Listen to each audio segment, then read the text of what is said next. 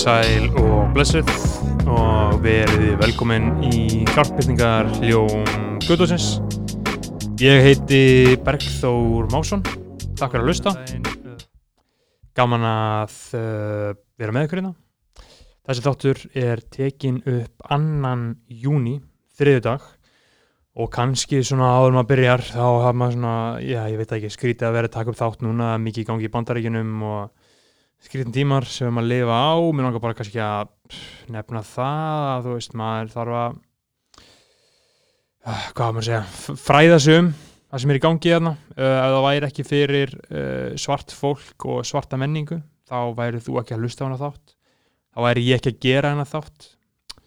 Þá væri ég bara að gera eitthvað allt annað í lífinu. Það sem að rapptónlist hefur svona influensað mitt hvert einasta skref uh, og bara haft ómótstæðileg áhrif á mig og algjörlega umturna lífi mínu.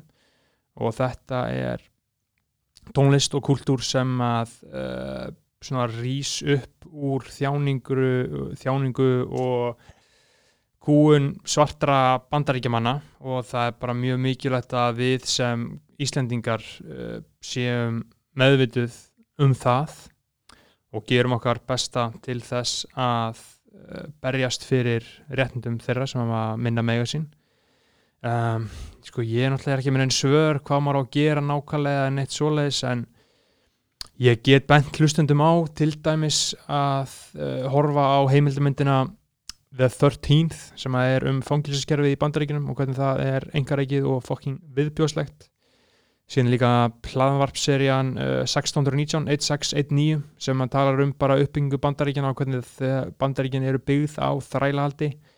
When They See Us á Netflix uh, það er góð, góð, góð, góð þættir um Central Park 5 ég mitt hitti hann Corey Weiss sem er í þættinum í Harlem síðast. Síðasta haust þegar ég var þar það kemur ekki við en það var stemming. Uh, gaman að sjá gaman að sjá hann Uh, Dear White People á Netflix líka. Það er, er ekkert spes þáttur en það er samt svona það, það fer yfir þessi, það fer yfir þessi atriði og allt svona. Og svo ég bara hlusta á rap. Hlusta bara á gott rap og virkilega kunna kunna meta rapptónlist fyrir það sem hún er og vita hvaðan hún kom og allt í kringum það já eins og ég og, og ef, ef þið hafið tök á því að gefa pening það er þetta að finna alls konar linka í alls konar allt þetta. Uh, í alls konar sjóði og stofnanir sem að uh, hjálpa í þessari réttnabartu og eins og ég segi þá er ég að taka þetta upp núna 6 dögum áður en þetta kemur út og ég veit ekkert hver staðan verður. Ég vil bara hvetja fólk til þess að kynna sér þessi mál, hvernig rasism er og hvernig hann er á Ís Íslandi. Mótmæla uh, viðbjóslu útlendingalögunum sem að eru einna sem eru hér á Íslandi hvernig við uh, lokum landamærunum hvernig svona hvernig dómsmálaráðanetið kemur fram við flótafólk hvernig löggan sækjur þau í skjólin nætur alls konar svona. Uh, já. Ég ætla ekki að hafa, hafa þetta mikið lengra um þetta ég bara hveti alltaf til að checka á þessu.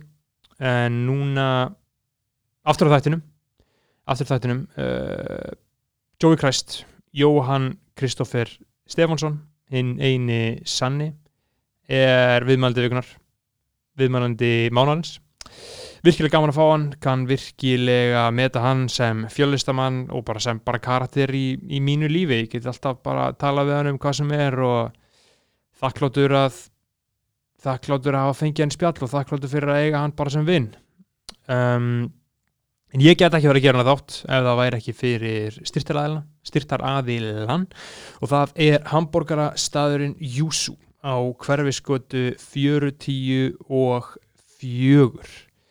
Júsú er með besta vegan borgara á Íslandi. Það eru staðlendir uh, Portobello borgarinnar er líka fucking epic, síðan eru líka með alls konar meðlæti og alls konar veistlu ég mæli sterklega með því að fólk gerir sér ferð um helgi sérstaklega sko, það er fucking vibe í gangi þegar það er svona smá djamstemming sko, fólk er líka að fá sér, sér drikki og fá sér kokteila, fá sér alls konar meðlæti og alls konar svona stemmingu, það er alltaf gott rap í gangi í græjunum sko, uh, þeir sem hafa lust á eina þetta þeir vita það sko, síðast var að Big Pun. Uh, síðan hefur maður, sko ég, ég var líka var, var aðeins daginn og þeir voru að spila eitthvað eldgammal FL lag henni lórs, uh, ditti fel að rappa, þú veist. Hvar annar staðar á Íslandi á annar staðar en á Júsú eða á Prikinu ert að fara að komast í þessa veistlu, þú veist. Þetta, þessi staðar eru mikilvægir, það er mikilvægt að þetta sé. Ég veit alla til þess að tjekka á Júsú á hverfiskötu 40 og 4 episkir hambúrgarar, episk stemming. En ég held að við getum nú bara farið yfir í þáttinn. Uh, Joey Christ, helviti góður á því og síðan langaði mig líka til þess að benda hlustundum á það að það er Spotify playlisti sem heitir Kraftbyrtingar hljómar Guðdónsins það ég er svona reglulega uppfæran hér og þar þegar ég mann eftir, bæti við lögum þegar ég mann eftir uh, það er að geta hlustundur kynnt sér fullkomna rættónlist að mínum mati. Um, já, ég held ég þurfa nú ekki að hafa þetta mikið lengra. Ég held ég við skellum okkur bara yfir í viðtalið mitt við Joey Christ bara takk fyrir að hlusta og njótið Blessaði mestari Sælir Hvað segir þið? Ég er bara mjög góður sko Góðan dag Já, hvað er það að gera? Ég vaknaði uh, Fór í rektina Fór í sánu, fór í sund Kom inga á fund Neri út á hundræðin Mm. Hóruði á uh, fyrsta kött af þætti sem við erum að gera fyrir stöðfu Veistla? Uh, sem, já, kemur í sjónvarpið síðasta fyrsta dag þegar þetta kemur út. Mm -hmm. og svo fór ég heim veið með mat, ríksóði, fór upp með hundin og hinga er ég komin Busy maður. Já, þetta er alltaf svona. Já, nú að gera. Já, nú að gera sko. Hvernig, hvernig er það? Hvernig er að lifa lífið það sem að það, veist, það er alltaf fokkum mikið að gera? Uh, Það er aldrei bara eins og maður leifið því að vera sko. Aldrei svona what you make it. Þannig að Hva, Hversu oft hugsaður um að get out the game? Drop it all. Það er nú alveg, ég hef alveg hugsað náttúrulega sinni sko. Þannig að ég var líka ekkert um að sagði þannig að uh, Bergur Abbi sagði ekkert um með bara að ég, ef ég held, ég áfram að gefa svona mikið af mér þá með ég verið komin í burnout fyrir þrítugt. Einmitt. Ég er að vera 28 núna eftir viku þannig að Það eru tvö ára eftir. Tvö ára eftir. En Já. ég er svona, eitthvað ekki, ég, ég hef enga sérstakar áhugjur á mér sko, ég er svona orðin fyrir góður að þekkja mig svona, hvernig mér líður, hvað ég mm. þarf að gera og svona. Og þú veist, bara eitthvað svona er bara í heilu sambandi við mig og, og fólki kringum mig. Og ég þarf allir svona mikla selfcare rútínu mm -hmm. þú veist, ég þarf að, ég huglega alltaf ég vakna og ég þarf að rækta ég þarf að vera sund og sánu þannig að svona veit ekki, það er einhvern veginn, maður getur alveg maður getur alveg jökla mörgum boltum ef maður bara er ekkert að einbæta sér alltaf mikið, maður alveg að vera bara í, flæðinu sko Hvað gerist ef að þú uh, klúrar rútínu? Ef þú gerir þetta ekki? uh, þá verð ég oft kvíðin Mm. uh, en ég líka er líka orðin þannig að þú veist ég er vera á þerapist alveg í nokkur ár þannig ég veit ég veit svona sirka bát því ég verð kviðin þú veist Mhm. það veldur mér ekki er bara ok, heyri, það bara svona fer ég aðeins yfir checklistan, ok, ég er ekki mér að reyna mig, ég er mér að borða bara gúmi og snakk og þannig að ég er ekki mér að ná að hula Mm. og þá þú veist þetta er bara svona spurning um að þú veist eins og maður er að huglega maður er einhvern veginn eins og ég er með svona möndru sem stundum droppa í möndru því ég er að huglega og þá, þú veist, þá fer ég ekki að hafa áhugjur að ég droppa henni, þá lef ég henni bara koma aftur inn Mm -hmm. Er alltaf eins bara með rútinuna, þú veist hún, hún, hún fokast stundum upp en maður er veginn ekkert pointið í að hafa áhugjur að því sko. Nei, og þú finnur fyrir því strax þegar hann fokast maður upp eða? Nei, ekkert eitthvað, ekkert strax þú veist, en ég er svona ég get alveg fundið affektin að því sko, sérstaklega svona á mótnana þá ég er oft vestur þá sko en uh, já, ég lífið bara vesla sko, eins og hvað sagði En En vestur á mótnana, ertu að vakna með uh, morgunþungliti eða? Já morgun kvíða Já, morgun kvíða, já. ekki þungliti eða? Uh, nei, ég er ekki svona eitthvað oh, hvað allt er eitthvað, og maður er bara vakna og er bara, pff, er bara uh, og þá bara eftir, og með tendast að fara í síman bara eitthvað, þú veist og Alma kærstum mig fer í vinnuna Mm. og ég ligg kannski bara upp í rúmi í símanum í hálftíma og, og þá, þú veist, það er bara bara þess að matla já, leið le, mér aðeins bara hann að matla maðurinn er að kvíða henni fyrir rúmi já uh, já, en það er svona, ég er oft verstur svona á morgunina, sko, þess vegna finnst mér mjög gott að byrja þetta en að fara að hreyða mig, Einmitt. huglega að hreyða mig eitthvað. Akkurat. Akkurat. Uh, þú gerir uh, þú ert rappari og útásmaður mm og sjónvarsmaður já, það svo gerir maður dagsfókjaraðmaður uh, leikari. Já. leik, leikhúsmaður. Já, sviðs, sviðshöfundur. Sviðsöndur, emitt um, þegar, þegar þú veist, er lífið þitt ein stór blanda þessu eða hoppar inn hlutverk uh, þannig að lífið mitt er alveg bara svona ákveðið flæðið af þessu sko ég meðist ég Mm. ekki vera að hoppa inn í hlutverk þú veist það bara svona ég fætt allir bara eftir hvað aðstæðinu kalla á sko Mm. uh, ég hef nokkur svona heyrt svona út undan mér að fólk velt, hafi velt upp spurningur hvort að allt sem ég geri sé grín. Þú hefur verið svolítið ásakaður um það. Já, ég er ásakar að það. Já, þeir eru mikið að uh, gríngera þig. Já, að ég sé að, að þetta sé allt eitthvað grín sko. Mm. uh, þú veist mér að kærna þetta best í, í, í læginu loka orða 22, rosalega fyndið en það er samt ekkert grín sko.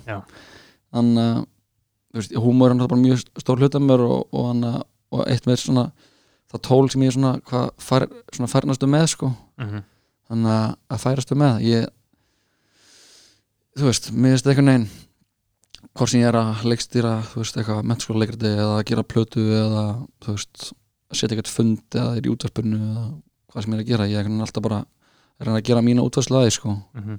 og ég er að reyna bara að vera svona sannur sjálfur mér sko. Um, að gera svona marga hluti það hefði þetta væri ekki mögulegt allir leið mér að fullur það, fullir það mm -hmm. uh, fyrir tíu árum. Nei. þá myndir eflaust vera boksaður inn Mm og þeir myndu mynd, þeir myndu ná að koma inn í hausana þér og getur ekki gert þessu hluti. Um, er það Kanye sem að hefur þessi áhrif á heiminn að þetta er normal eða hvað hva hefur haft áhrif, áhrif á þig með þetta? Já, þú veist, það er alveg nokkrir svona nokkrir uh, einstaklingar eitthvað svona listamenn sem hafa, veitt mér innblástur í þessu sko. En síðan einhvern veginn líka bara hef ég bara gert það líka bara sjálfur sko. Mm. þú veist, ég fór í listaháskólan því ég var búinn í í MH, tók mig pásu, fór til Suður Ameríku, eitthvað svona ferðaðist. Og síðan fór ég í listaháskólan, síðan einhvern veginn bara sleisast í það að fara að gera tónlist.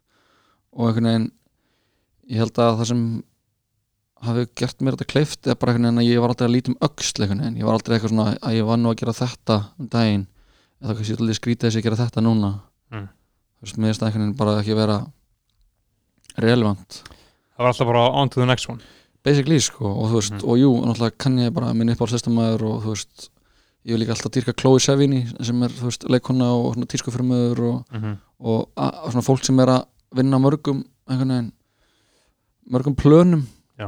Uh, með þess það bara vera geggja og með þess það algjörlega vera einhvern veginn svona með þess það ég er mjög ánæður og ánæður, þú veist hann að þakkláttu fyrir að geta unnið svona sko Mm -hmm. af því að það eru sumir sem bara þú veist, verða bara að einbreyta sér einhver einu einu þú veist, og auðvitað er það náttúrulega þetta dæmi, ég spurt mér bara, ætti ég núna að droppa öllu, fara in í þetta og gera þetta ógeðslega vel þú veist, og velti ég fyrir mér hvort að ég sé að gæti verið að gera hlutina betur Mm. en og eftir svona eins og því ég var að klára plötuna mína sem ég er að gera núna, þú veist, ég er bara eitthvað, ok, nú verð ég bara að fara að gera bara tónlist, vera að vinna í henni allan tíman, þú veist, bara, bara heilt ár bara tónlist síðan einhvern veginn, þú veist hef ég aldrei tíma fyrir það þú veist, og líka bara einhvern veginn, mér finnst ég alveg ekki að koma inn í sónið, þú veist, ég bara fer og gera eitthvað og ger ég það bara og ég er bara hægt að spána nöðru, þú veist. Og síðan bara fyrir að gera eitthvað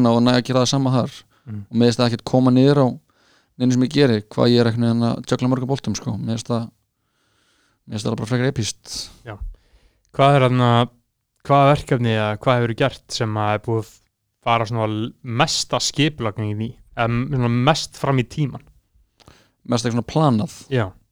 Þú veist, hefur verið að hugsa um eitthvað í meir en ár? Uh, að því að þú svona, maður mað getur gert ráð fyrir því að flest allt sem gerist, það bara einhvern veginn gerist. Mhm. og svona á nokkru mánuðum er að framkvæmt. Mhm, síðan bara næsta, skilju emitt uh, ég er náttúrulega bara útvarpið þú veist, Mm. mm. útvarp.1 og náttúrulega bara byggja þetta stúdíó hérna Þú veist, þetta voru svona svona mest, mest sem hefur farið mestar lengstu tímin í og mesta pælingan er í og mesta vinnan er oft stótt sem er svona eitthvað meira svona rekstra tengt og Mhm. til að skapa eitthvað aðeins stærra sæmingi sem fleiri geta komið að en einhvern veginn er svona mitt mín persónulega list og svona það sem ég það sem ég er að skapa það er oftast bara er, gerist í frekar miklu flæði og ég meina, Joey tvö hann sé tvö ár í bíkjörð en það var líka bara þegar ég hætti að vinna inn í miðinu og fór að gera þú veist, Mhm. stofna útastöðu og eitthvað drasl Einmitt. þannig að þú veist þannig að en ég er alveg svona núna byrjar að hugsa bara ok, þetta byrjar að bara svona secret adult bara að hugsa bara ok, setja hlut hugmyndir aftur í nakkan og veit bara ég ætla að gera þetta þetta er á næstu, á næstu árum þú veist, 5 upp í 10 ár er ég með bara eitthvað dót sem ég að vera búin að gera. Eitthvað sem þú vilt deila með hlustundum nei, ekki strax? Nei, þetta er bara svona fyrir mig. Já, það er líka, þú veist, það er líka vandamál sem ég að þú veist, maður gerir er, er að hann að maður gerir svo oft grikk með alltaf eitthvað deila hlutum á snemma. Já. að því að þú veist, fyrir hvað eftir þá að gera það? Það er eitthvað að láta alltaf vita að þú veist að fara að gera eitthvað? Þú veist, með þess að betra, betra bara að gera það sem kemur að ljós. Mm. að þú veist, láta alltaf verkinn tala frekar. Já. að því að að því að um leiðum maður er búin að segja eitthvað svona, já, ég ætla, ég ætla að gera þetta. Og síðan einhvern veginn er ekki tími leiðin og þá er veginn, þú ætlaði þú ekki að gera þetta? Þá er maður eitthvað, "Uh, jú, þannig að ég var eitthvað upptekinn eða þú veist já, ekki svona, ég veit það er svona það er bara, er bara pointless sko. En síðan er líka, ef þú talar ekki um það þá fara ekkert feedback á það. Og til Mm. dæmis bara eitthvað þannig að kannski er eitthvað sem ó já, ég langar ekki rétta líka. Mm þú þetta getur verið bæði, sko algjörlega, Nei, ég tala um allar svona hugmyndir bara við vinnum mín og fjölskyldu, þú veist, Mhm. fólk sem ég vinn með og, og, hann, og á í stöðu samtali um allar mínar hugmyndir við, ég er bara mjög góð að fólk sem ég get Mhm. bánsa af og, og fólk sem er, þú veist, á alls konar stöðum í lífinu, sko, bæði bara jafnaldri mínir, fólk sem er yngra, fólk sem er eldra þannig að, þú veist þetta er meira bara svona eitthvað að fara að tilkynna einhverju podcast eða Já, já, fara, einhverju frétta, vera bara í fréttablaðinu bara eitthvað, ég ætla að gera þetta. Wait and see. Akkurat. Þarna, En já maður, við erum komin hérna til að tala um rap, tala um Mhm. hitt og þetta. Mm bara fucking væpa maður, Já, tala um drauma. Tala um drauma. Já, mikið að draumum maður. Hefur alltaf na, hefur alltaf bara síðan varst í mentaskóla alltaf verið að hugsa um að alltaf verið með drauma í einu svona eistum eða? Uh, Ég veit ekki alveg sko. Ég, ég, ég var, þú veist Ég ætla, ætla, aldrei út í tónlist þú veist, Það gerast eða bara svona fyrir Tölurinn mm -hmm. uh, Ég ætla alltaf, ætla alltaf að vera leikari eða þú veist Og síðan hann að Síðan kynntist ég þessari sviðsvöndabraut sem ég fór á Því í MH Þannig að þá ákvað ég ætlaði að fara að þanga Ég var aldrei viss um hvað ég ætla að gera sko Af hverju fórstu í það frekar en uh, leikarafröð? að því að ég alltaf, þú veist jú, það er alltaf einhverju draumar svona, en alltaf haft mjög mikið hugmyndum og verið svona mjög frjór sko. Mm. þannig að mér langaði einhvern veginn að fara í í höfundanám, einhvern nám þar sem ég er betri að tálka þú veist þann penna sko, þann þú veist eitt af Mhm. þann blíjant að einhvern veginn að- geta tekið einhverja hugmynd sem ég er með og bara búið til feril fyrir hana og fyllt henni alveg til enda bara og gefa, gefa hana sem frá mér Einmitt. sem ég, ég er bara ótrúlega þakklútið fyrir að hafa fyrir þetta náma því að minna, ef ég bara lítið baka þá er bara ótrúlega mikið dótið sem maður hefur náð að gera á, á stundum tíma þannig séð sko. Þetta er stöðu tími, sko. Já, þetta er ótrúlega stundum tími sko. Þetta er þrjú ár. Þrjú ár já, síðan þú veist sæferinn kom út Já. já, þá píkaði hagkerfið. Það píkaði að gerið Já. basically sko. Og þannig að Þetta er, eru bara þrjú ár. Mm Hvað heldur að gera þetta næstu þreymur árum? Uh, þú veist það mun ábygglega bara allt breytast sko Mm. þú veist, það, tíminn einhvern veginn er svo ótrúlega skrítinn og, og hvernig hann líður er, ennþá skrítnara sko Mm -hmm. þannig að næstu þreymur árum þú veist, það verður ábygglega bara fleiri verkefni þú veist, lífi breytist þannig að ég er bara fullorinn Mm -hmm. meiri ábyrð uh, bara meiri, þú veist lífsamingja og svona einhvern veginn bara setast betur og betur í þennan stól sko Mm sem maður veginn situr í hva, Já. hvað sem hann er staðsettur hverju sinni sko. Um, en námið uh, Susandabröð já, þarna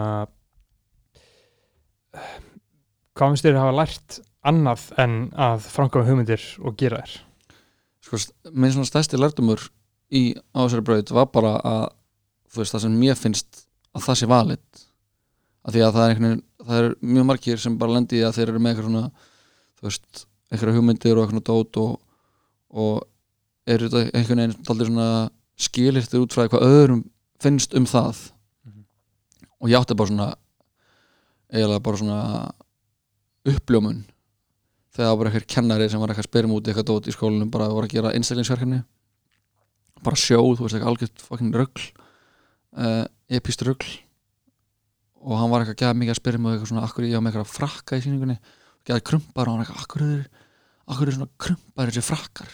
Eitthvað, akkur eru þeir svona? Eitthvað svona, og akkur er að tala ensku í síningunni eitthvað svona, við vorum að, þú veist, lesa fara með fyrstu, hann að sinnar úr Hamlet Mhm. á ensku og eitthvað svona, þetta er, þú veist það er svona samikis það er allir samiki í þetta, en þú veist, hann ekki fara út í það.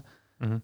og þá átt, áttaði mig bara svona að, að Bjartur kom eitthvað upp mér og var eitthvað, hann var í síningunni hjá mér og hann var bara, heru, veist, það skiptir ekki máli með þess að frakka hvernig þeir eru, hvort þessi krumpar eða ekki bara, það skiptir einhver máli, bara haltu bara áfram þá áttaði mig bara á mig bara, já, heyrðu þú veist við erum að tala ennsku í þessi síningu að því ég vel það, frakkar eru krumpaðir að því ég kýsa þessu krumpaðir veist, það er basically, það einu skiptir máli er að ég geti, þú veist að ég veit að fyrir mig Mhm. skiptir ekkert máli hvað öðrum finnst af því að, því að hvað fólki finnst er eitthvað sem ekki hægt að áalla þáttur að, þáttur að sé ekki gegn ástæð fyrir öllu, þú veist þá hefur fólk alltaf, setur alltaf fólk sína skilningu og sína einhvern veginn túlkun á hluti. Þannig að bara, þú veist, við búum bara á þessu öll sem við búum að þessum fréttir eru orðið eitthvað svona er ekki lengur, þú veist, objective hlutur. Fréttir eru bara það sem þú vilt að það sé þú veist, og bara tökum eitthvað staðarindur og segja bara, ég er bara ekkert sammála þessu. Og við erum bara, erum á þeim stað, þú veist. Mhm. að sannleikurinn er bara þú veist, að það er the great narrative, þú veist, það er engir, engir, engir stóra trúr lengur sem keir áfram en eitthvað þessar samvölu tilvistakar og nú eru komin að það stað líka það er engin, þú veist, það er ekkert, það er ekkert fakt lengur, þú veist Nei. það er allt bull Mhm. þannig að þú veist það sem ég lærið það bara, og mér þakklandi fyrir það bara að bara, ég har treysta sjálflega þú veist, þú ert sá eini sem Mhm. þú munt vera að setja upp með alla æfi, þú veist og þannig að ef þetta er náðu gott fyrir þig þá, þú veist treystu á það sko og þá með fólk fíla ef ekki, e, e, já, ekkert, ekkert, þú veist, ég reyndi við það sko Ná. hvernig heldur þau að af hverju heldur að fólk fíla hluti almenningur, bara svona meiri hluti mannkins, Hvað? uh, hvernig heldur að meiri hluti mannkynsins myndir sér skoðanir á hlutum daldi mikið náttúrulega á hvað öðrum finnst fólk Mm. með þessi mjög mikið við hvað öðrum finnst uh, og fólk vill vera í stemningu fólk vill vera, þú veist þannig að eins og núna vil, vilja allir hoppa mjög mikið, þú veist bara, Mhm. tölum bara um bara lokalina tónlistasinn á Íslandi, þú veist shots fired Nei, þú veist, þetta er bara það er bara væp hverju sinni, þú veist Já, já. fyrir nokkrum árum vildi fólk anna, standa á dilla sér, þú veist og síðan Já. vildi það vera eitthvað að fokkin að Mhm. boppa hausnum, þú veist, nú vilja fólk, vil fólk hoppa, þú veist mena, það er bara, reis Einmitt. er reynd fóri reynd Mhm. og anna, þannig að þú veist, eins og núna þá bara vil fólk hoppa og fólk finnst gaman að vera í stemningu og dansa og þú veist, og það er bara það auðvitað ræðist náttúrulega bara svona við erum náttúrulega bara, það er svona flæði sem á sér stað alltaf í kulturnum, þú veist. Því ég, var í MH þá var ég að hlusta á þú veist, ég var að hlusta á danstólist þá, þú veist sem fór að, var að hiphopi allt svona meira og meira og meira og meira, og sem var bara mjög áhugavert að sjá hiphopi, þú veist verða ja, vinsalt og það hefur verið. Mhm. og núna er það allt aftur á dala held ég smá. Þú veist, ég býst alveg að eitthvað svona Rocky og Indie það fara að koma aftur stert tilbaka, þú veist, það er einhvern heldur það? Já, menn þú veist, ég held það sko. Veist, það heldur að geta komið íslensk rocktónlist á Ísland top 50 eða? meina, hi- hipsum haps rock, þú veist. Já, þú veist, það, er- það er vinsælt en skilur það er ekki að tjartar ekki skilur top, top 20-30 nei, þú veist en uh, að mér líður sko eins og séu svona tveir, tveir svona tveir heimar í íslenski tónlist sko. Mm þú veist, það er Rás 2, -hmm. vinsættalist er Rás 2 emitt, og síðan er bara Ísland top 50 já, emitt og þetta er bara tveir ólíkir heimar, þetta eru tvö algjörlega ólík já, lög. Emitt, að því að fólk getur verið ótrúlega vinsælt á þess að vera endilega á þannig að þessum Spotify lista Einmitt. þú veist. Og fólk getur verið ótrúlega vinsælt á þess að vera að þú veist, þetta er bara eins og segir þetta er tveir heimar sko. Já. Uh, hvað ræði hvað fólki hvað fólk fílar er bara eitthvað þú veist, að, að það slæðir einhverja strengi inn, innra með þeim Mhm. og síðan að það bara horfir í kringum sig sér all, þetta að slá á strengi á öðrum. Einhver sem þú lítur upp til fílar eitthvað. Þú veist, maður vill aldrei mig, ég held að fólk vilja bara vera með í stemningu þú veist, síðan eru sumir sem við sjálfstæðir sem eru bara ég fíla þetta og mér er skýt sama hvað allir mér finnst.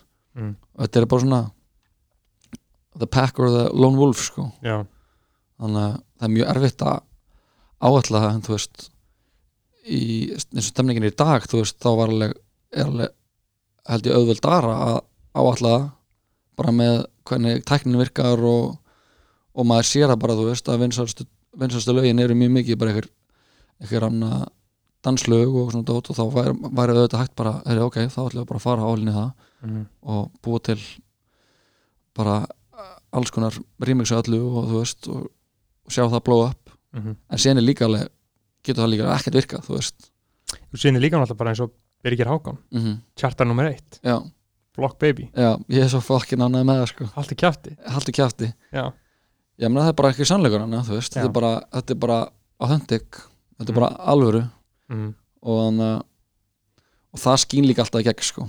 Já. sama hvað hana, hvernig við erum sko. þá held ég að, að eitthvað sannleikur og svona dót sem er bara real það, og líka þú veist real með production value ert Já. með dót sem soundar vel það er fucking, það er þjætt og það er ekki fake þá hann að þú veist, það ertu komin búin að vinna hálfan sigurinn sko, hálf baráttan unnin síðan alltaf bara er spurning með eitthvað vinsældir, þú veist, það er alltaf bara vinsældir, er, þetta er svona daldið mikið bara það sem við vilt að þið séu sko, mm.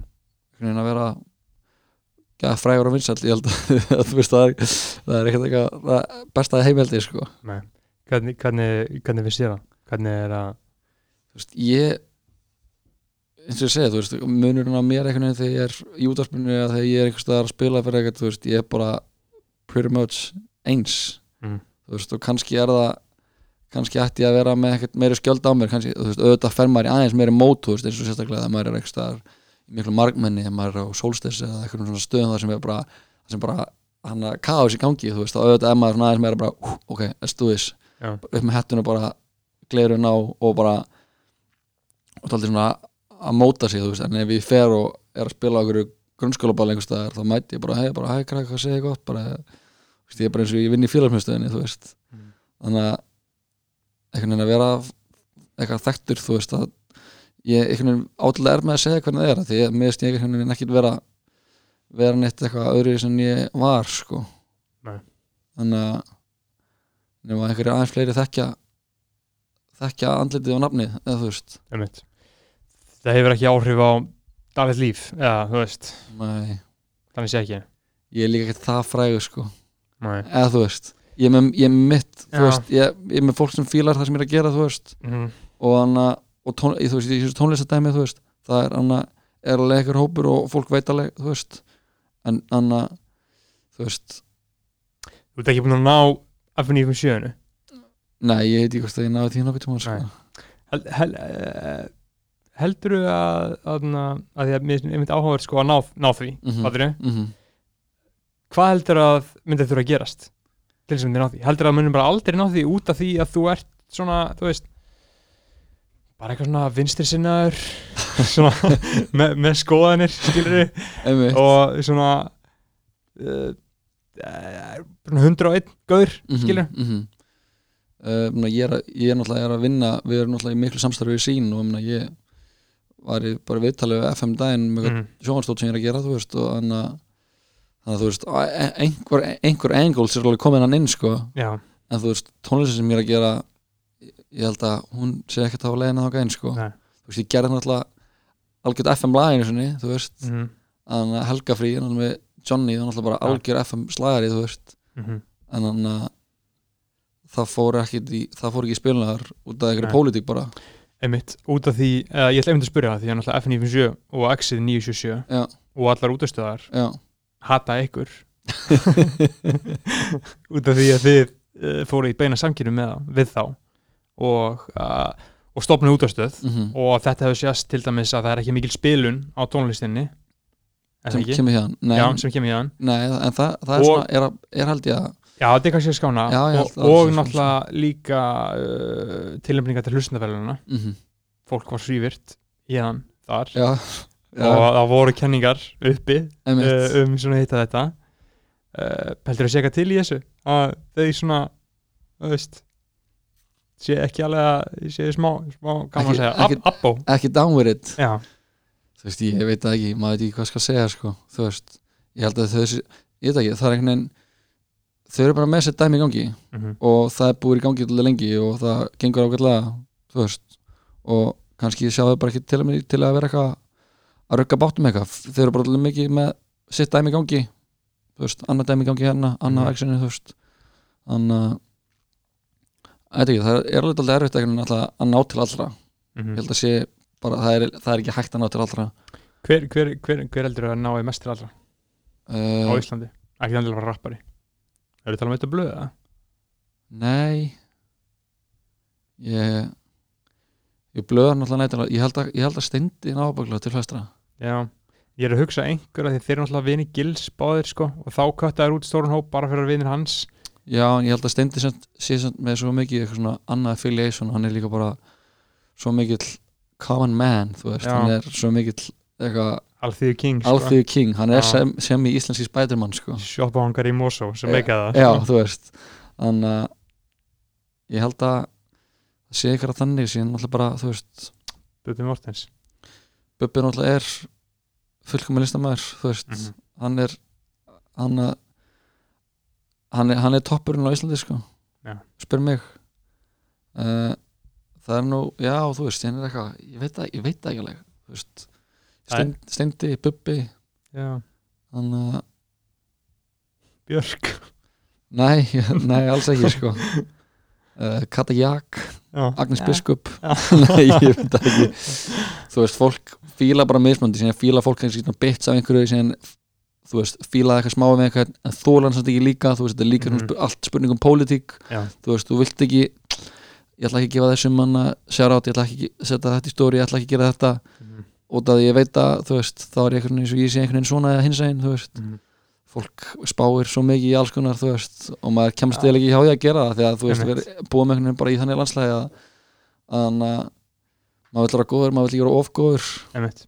Hugsað þú einhvern veginn um að þú veist þegar þið kannski uh, langar til þess að, ég veit það ekki, svífir það á slöðurnu eða eitthvað, Mhm. skilur uh, að mun einhvern veginn koma niður á þér setna, að þú munir missa einhver tækifæri út af því að þú sagðir einhvað og einhver starfsmáður í þessu ráðunendi verður síðan í þessari vinnu og síðan hann ekki bóka þig á þetta Já, ég, ég, ég, þú veist, ég er aldrei bókaðar á einar svona stóra svona ásóttíðir eða eitthvað svona eitthvað, hjá einhverjum- einhverjum einhverjum manna ráðunitum eða eitthvað Nei. en ég er líka svona þú veist, er all, ég er líka alltaf bara að reyna að bæta sjálfum mig í að þú veist þannig að- ég þarf ekki að hrópa allt þú veist eins og bara áslega orna hún þú veist innrækisræðara þú veist bara með eitthvað ég auðvendan ekki þú veist að vera eitthvað að sjá um innrækisræðundið ég held að það sé fokkin umulegt þú veist. Ég held að þetta sé verst að vinna í alheiminum og þú veist eitthvað neginn, eitthvað ekki að vera alltaf að persónu gera allt þú veist, það eitthvað neginn er ekkert sérstaklega mörgum til bóta þú veist, auðvitað er þetta að benda fólki á hvað er að gera betur og hvar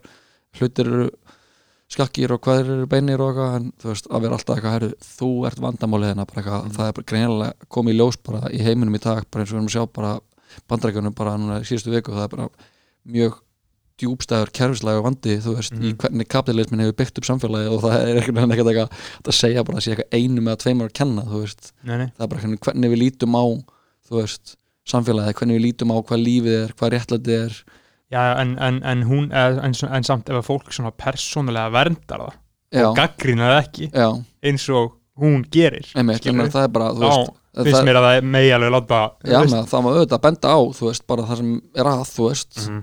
og það er náttúrulega bara fjölmjölun, um, um það snýst bara fréttafljótingur og þú veist, og við erum ekki með fréttastofu en við erum bara með mig og Lói hérna í tala saman sem, Mhm. Sem erum bara að gangandi gasklegar, þú veist Mhm. uh, en veit ekki, þú veist, það er náttúrulega bara meirlut í þjóðurinn og kýs alltaf sjálfsæðarflokkin, þú Já. veist, og það er náttúrulega bara það er náttúrulega bara vandamálið, þú veist að þannig að það er bara að vera að miða inn á en að einstaklingshyggju fólks, þú veist Mhm. og þannig að, það, að, pass, að láta fólki líði eins og það þurfa að passa upp á eitthvað þú veist þegar það þarf við reyna ekki að gera það þú veist, við erum bara að að, að, að, að flesti sem geta búið en að bara við besta kost er náttúrulega bara það sem allir átt að vilja Mm. en það er nú maður ég, reyn, ég þól ekki pólitík og nenni, þú veist auðvitað, jú, maður er með eitthvað eitthvað svona, en ég ég reynir bara frekar að, segja bara með eitthvað sem ég gerir sko, búa Mhm. til eitthvað og reyna að hafa, þú veist reyna að hafa áhrif á fólk bara á jákvæðan hátt og, En, já, ég meina, þú, þú segir það, en ég myndi samt nú alveg segja að af öllum current rappurum, mm þá ert þú mest, hvað maður að segja, uh, outspoken. uh, ég tala ekki með enn króli Nei, fyrir, fyrir, fyrir fyrir króla. króla Já, fyrir þetta króla. Já, mena, ég, mena, ég, algjörlega, ég er alveg, þú veist og meðist það líka var alveg, alveg ég, ég, að, veist, ég er líka bara fullorinn Mhm. ég finn til ábyrðar þú veist, gagvart þeim sem hlusta mig þannig að mér finnst líka alveg bara basic að ég láti fólk vita hvað mér finnst um eitthvað þegar mér finnst þú veist, mér líður eins og ég þurfa að segja eitthvað Mhm. eða ef mér finnst eitthvað að vera ákvísla órættlátt eða eitthvað dæmi sem er í gangi í samfélaginu þá finnst mér alveg bara að því að fólk það er ekkert allir, þú veist, sum, sumir eru ekki að mikið þannig að bara tjá sig ekki um neitt til að passa upp á að það sé ekki hægt að náðum einhvers staðar lekkin, þú veist, bara hei því maður þetta um þetta, þú veist, það er verið að safe Mhm. en þú veist, ég er ekki fyrirtæki Einmitt. þú veist, ég er bara manneskja og listamæður og þú veist og lít svo á að þú veist að listin sé bara það sem maður á að nota til þess að breyta heiminum Mhm. og þá er, er, það líka bara ábyrg mín sem bara sem ofinberg karakter, þú veist, ofinberg einstaklingur sem listamæður er að tjá mig líka um hluti sko Einmitt. og En, reyna eiginlega að gera það sko en þú gerir það, samt ekki þær kröfur og aðra, nokkuð? Nei, það er bara lítið to each his own sko Já. fólk er bara mjög mismunandi, ég er bara ógæslega heppin að ég byrja að vera rappar eftir að ég er búin í háskólanum þú veist, Mhm. það eru bara margir sem eru bara ekki búin í grunnskóla sem ég, þú veist ekki búin neitt í mentaskóla þannig að, ekki, það er bara fólk bara hugsa mismunandi fólk er mismunandi þengjandi, sem eru að hugsa um sig og sitt og, og auðvitað ger ég það líka en ég er svona að að líta bara líka á eitthvað svona starra samhengi, þú veist Mhm. sem og, en þú veist, ég gera það það er ekki allir sem sjá sig þar, þú veist Einmitt. og þannig að þá auðvitað ger ég ekkert það er kröfar á aðra sko sem líka var sum sem er bara drull Mhm. og þá er það bara þeirra journey, þú veist, að komast að því akkur eða með drull og, og fá honandi endanlega í bakið. Komast það í uh, á einhvern annan hátt. já, þú veist, bara lífið er bara einhvern veginn ótrúlegt, þú veist Mhm. og þannig að mjög margir sem hafa verið að vinna að einhverju þú veist, sig að einhverjum rosalega auðæfum og vera að gera allt einhvern veginn þú veist, það sem að vinna þetta hann lífsgæða kaplöp og sína einhvern veginn sita þeir oftast þessir kallmenn uppi bara fullornir, ríkir og hafmyggjusamir Mhm. og ég held að sé þú veist, það er bara martröðið mín sko að vera bara einmanna fullorinn kallmaður 54 ára. ógeðslega mikið peningum ömuleg tengsl, líða ömulega einmanna, þú veist, að vera bara einmanna fullorinn kall með ógeðslega mikið peningum, þú veist það, það, bara sann, það bara er bara að debunka allt sem þú helst að ættir að vera að gera, þú veist Mhm. can't buy me love, sko Einmitt. Þannig að já, menna, fólk gera það sem það gerir ég gerir mig, geta það engin annar Það er mikið rétt. En þegar þú talar svona um að kom- koma, koma svona skilabóðum á framfæri, mm -hmm. um, hver, eins og þetta, að vera einmanna kallmaður, Mm hverjir eru það sem þú vilt að heyra þetta? uh, í rauninni bara Um, um hvern hugsaðu, skilur? þegar ég er að tjá mig um eitthvað svona Já, uh, þú hugsa um gúnana. já, já, gónuna og bara, bara, alla, þú veist. Við erum, það er, all, það er þessi hugmynd þú veist, þannig að það ætla bara að vera bara því lík byltingi hvernig við að tölum við hvort annað og um hvort annað og þú veist og, og hvernig við, þú veist, sérstaklega með stelpur og bara hvernig klám hefur haft áhrif á þessa kynnslóð og þessa kynnslóðir, þú veist. Þannig að og það er ótrúlega mikið talað um það, þú veist og búið að vera veitundavakning með stelpur, þú veist en það er, það er ekki alveg búið stað með stráka, veist hvernig við tölum við stráka, af því að þú veist þetta, eru, þetta er hluti af sama hringnum, veist, það er talað við stelpur á einn hátt, það er svo, veist það er drusluskömm og það er alls konar, að en það er alveg nákvæmlega sama kerfi sem lætur stráka tala veist þannig að þeim líður umulega bara á öðrum stað á spektrumunu þannig að ég er mjög, mjög, alltaf mjög vókal um bara eitthvað svona andlega hilsu og tala um líðan og eitthvað svona dót þannig að ég er að ég er að tala bara við alla sem veist, vilja hlusta, veist, alla sem hann eru opnir fyrir því að að, að líti ekki á sig sem fasta og vera ekki einhvern veginn fast í fólk sem er ekki fast í einhverju ekoi þú veist, af því að það er þú veist, þar er dauðin fólkin sko. Mm. þannig að það er náttúrulega kallmönu líður ótrúlega illa held ég mjög mikið. þeim líður mjög illa. Og náttúrulega bara þið skoðanabræður þið eru náttúrulega bara þið, þið eru það bara preaching to the choir þú veist, en þið eru anna millennial male sideguest já þú veist, þegar maður lítur á hverju drepa sig þú veist, Mhm. ég mist fjóra vini, þú veist fyrir einn hendi, mm. þannig að skoða hverjir eru bara að drepa sig þú veist, bara taka sitt eigi líf. Það er það oftast kallmenn þú veist, já, já. og hann og og ég er ekki hann að gera lítið úr einhverju baráttu fyrir einhverja aðra þú veist, er, og það, það er eitthvað sem við, við þurfum að gera betur í að bara líta á það sem eitthvað einstæða hild þú veist, hver við erum, akkur okkur líður einhvern veginn, hvernig við hefðum okkur við aðra og við sjálf okkur þú veist. Þannig að ég er alveg þú veist, jú, ég, ég tala mikið náttúrulega bara til stráka, þú veist. Einmitt, af því að þú náttúrulega þekkir ekki reynslu þeim annara Nei. þú getur bara að tala út frá þinni eigin reynslu. Einmitt, þú getur ekki sagt svörtum konum hvernig þær er að vera nei, skilur, nei, en þú getur sagt ungum kallmönnum já, hvernig þeir eru að vera, því þú hefur lært það af eigin reynslu og getur miðlað þinni reynslu. Eða þú getur ekki sagt þeim hvernig þeir vera Nei, en ég þú get bara að getur tala um hvernig ég hef, já, og bent þeim á hvernig þeir ættu mögulega ekki að vera. Já, líka. Og ég held að, ég held að það resonita bara hjá, resonita hjá öllum veist, Mhm. það hefur ekkert með með eitthvað, eitthvað kyn að gera Mhm. þú veist, það, ég held að það resonita bara hjá þú veist, þegar maður hefur eitthvað að segja sem er eins og bara, þú veist block baby, haltu kjafti, þú veist, þetta er dót sem þú veist, Já. kemur frá sönnum stað. Fokkita, fokkita, fokkita lið já, og það bara resonatar hjá fólki, Já. þú veist, sama hver þú ert, af því að Mhm. the truth will out, eins og einhver spittaði ekkert um hann the truth will prevail. Já, þú veist, þannig að en þa- þannig að við þarna, sko, gjörnum það þú veist, það eru, það eru, það eru okkur gúnarnir að hlusta. Mm uh, hlustenda prósenda kynja hlutfall hlustenda er ekki alveg 50-50 Nei. í þessum þætti. Þeir eru nú uh, kallmennir eru í tölugunum meðlita uh, ég var að skoja mér um daginn sko Spotify. Já, og ég er bara sem ég 50-50 ég vil það er gætt, Já. ég er ekki bjóst ekki við því. Þannig að ég, sko þessi þáttur er það hallar. Það hallar mikið, eh, sko, bræður, það hallar mikið, sko, já, hallar svona ekki það mikið þar, ekki jafn mikið á hér. Nei, en þarna, já, þannig að við getum það eru góðum að hlusta. Og þeim líður kannski já, uh, hver, hver hafa verið svona mestu breakthrough hjá þér? Þegar þú fattar mm þegar þú bara, ú, já, vá, þetta er veisla. Já, hver, hver eru, þarna, við reynum að sko kjarna algjörlega auðveldustu skrefin í að lifa í veislunni mm skilur, -hmm. hvað þurfa menn að gera? Bara, þú veist leifa sér að líða, þú veist. Feeling is healing. Mm -hmm.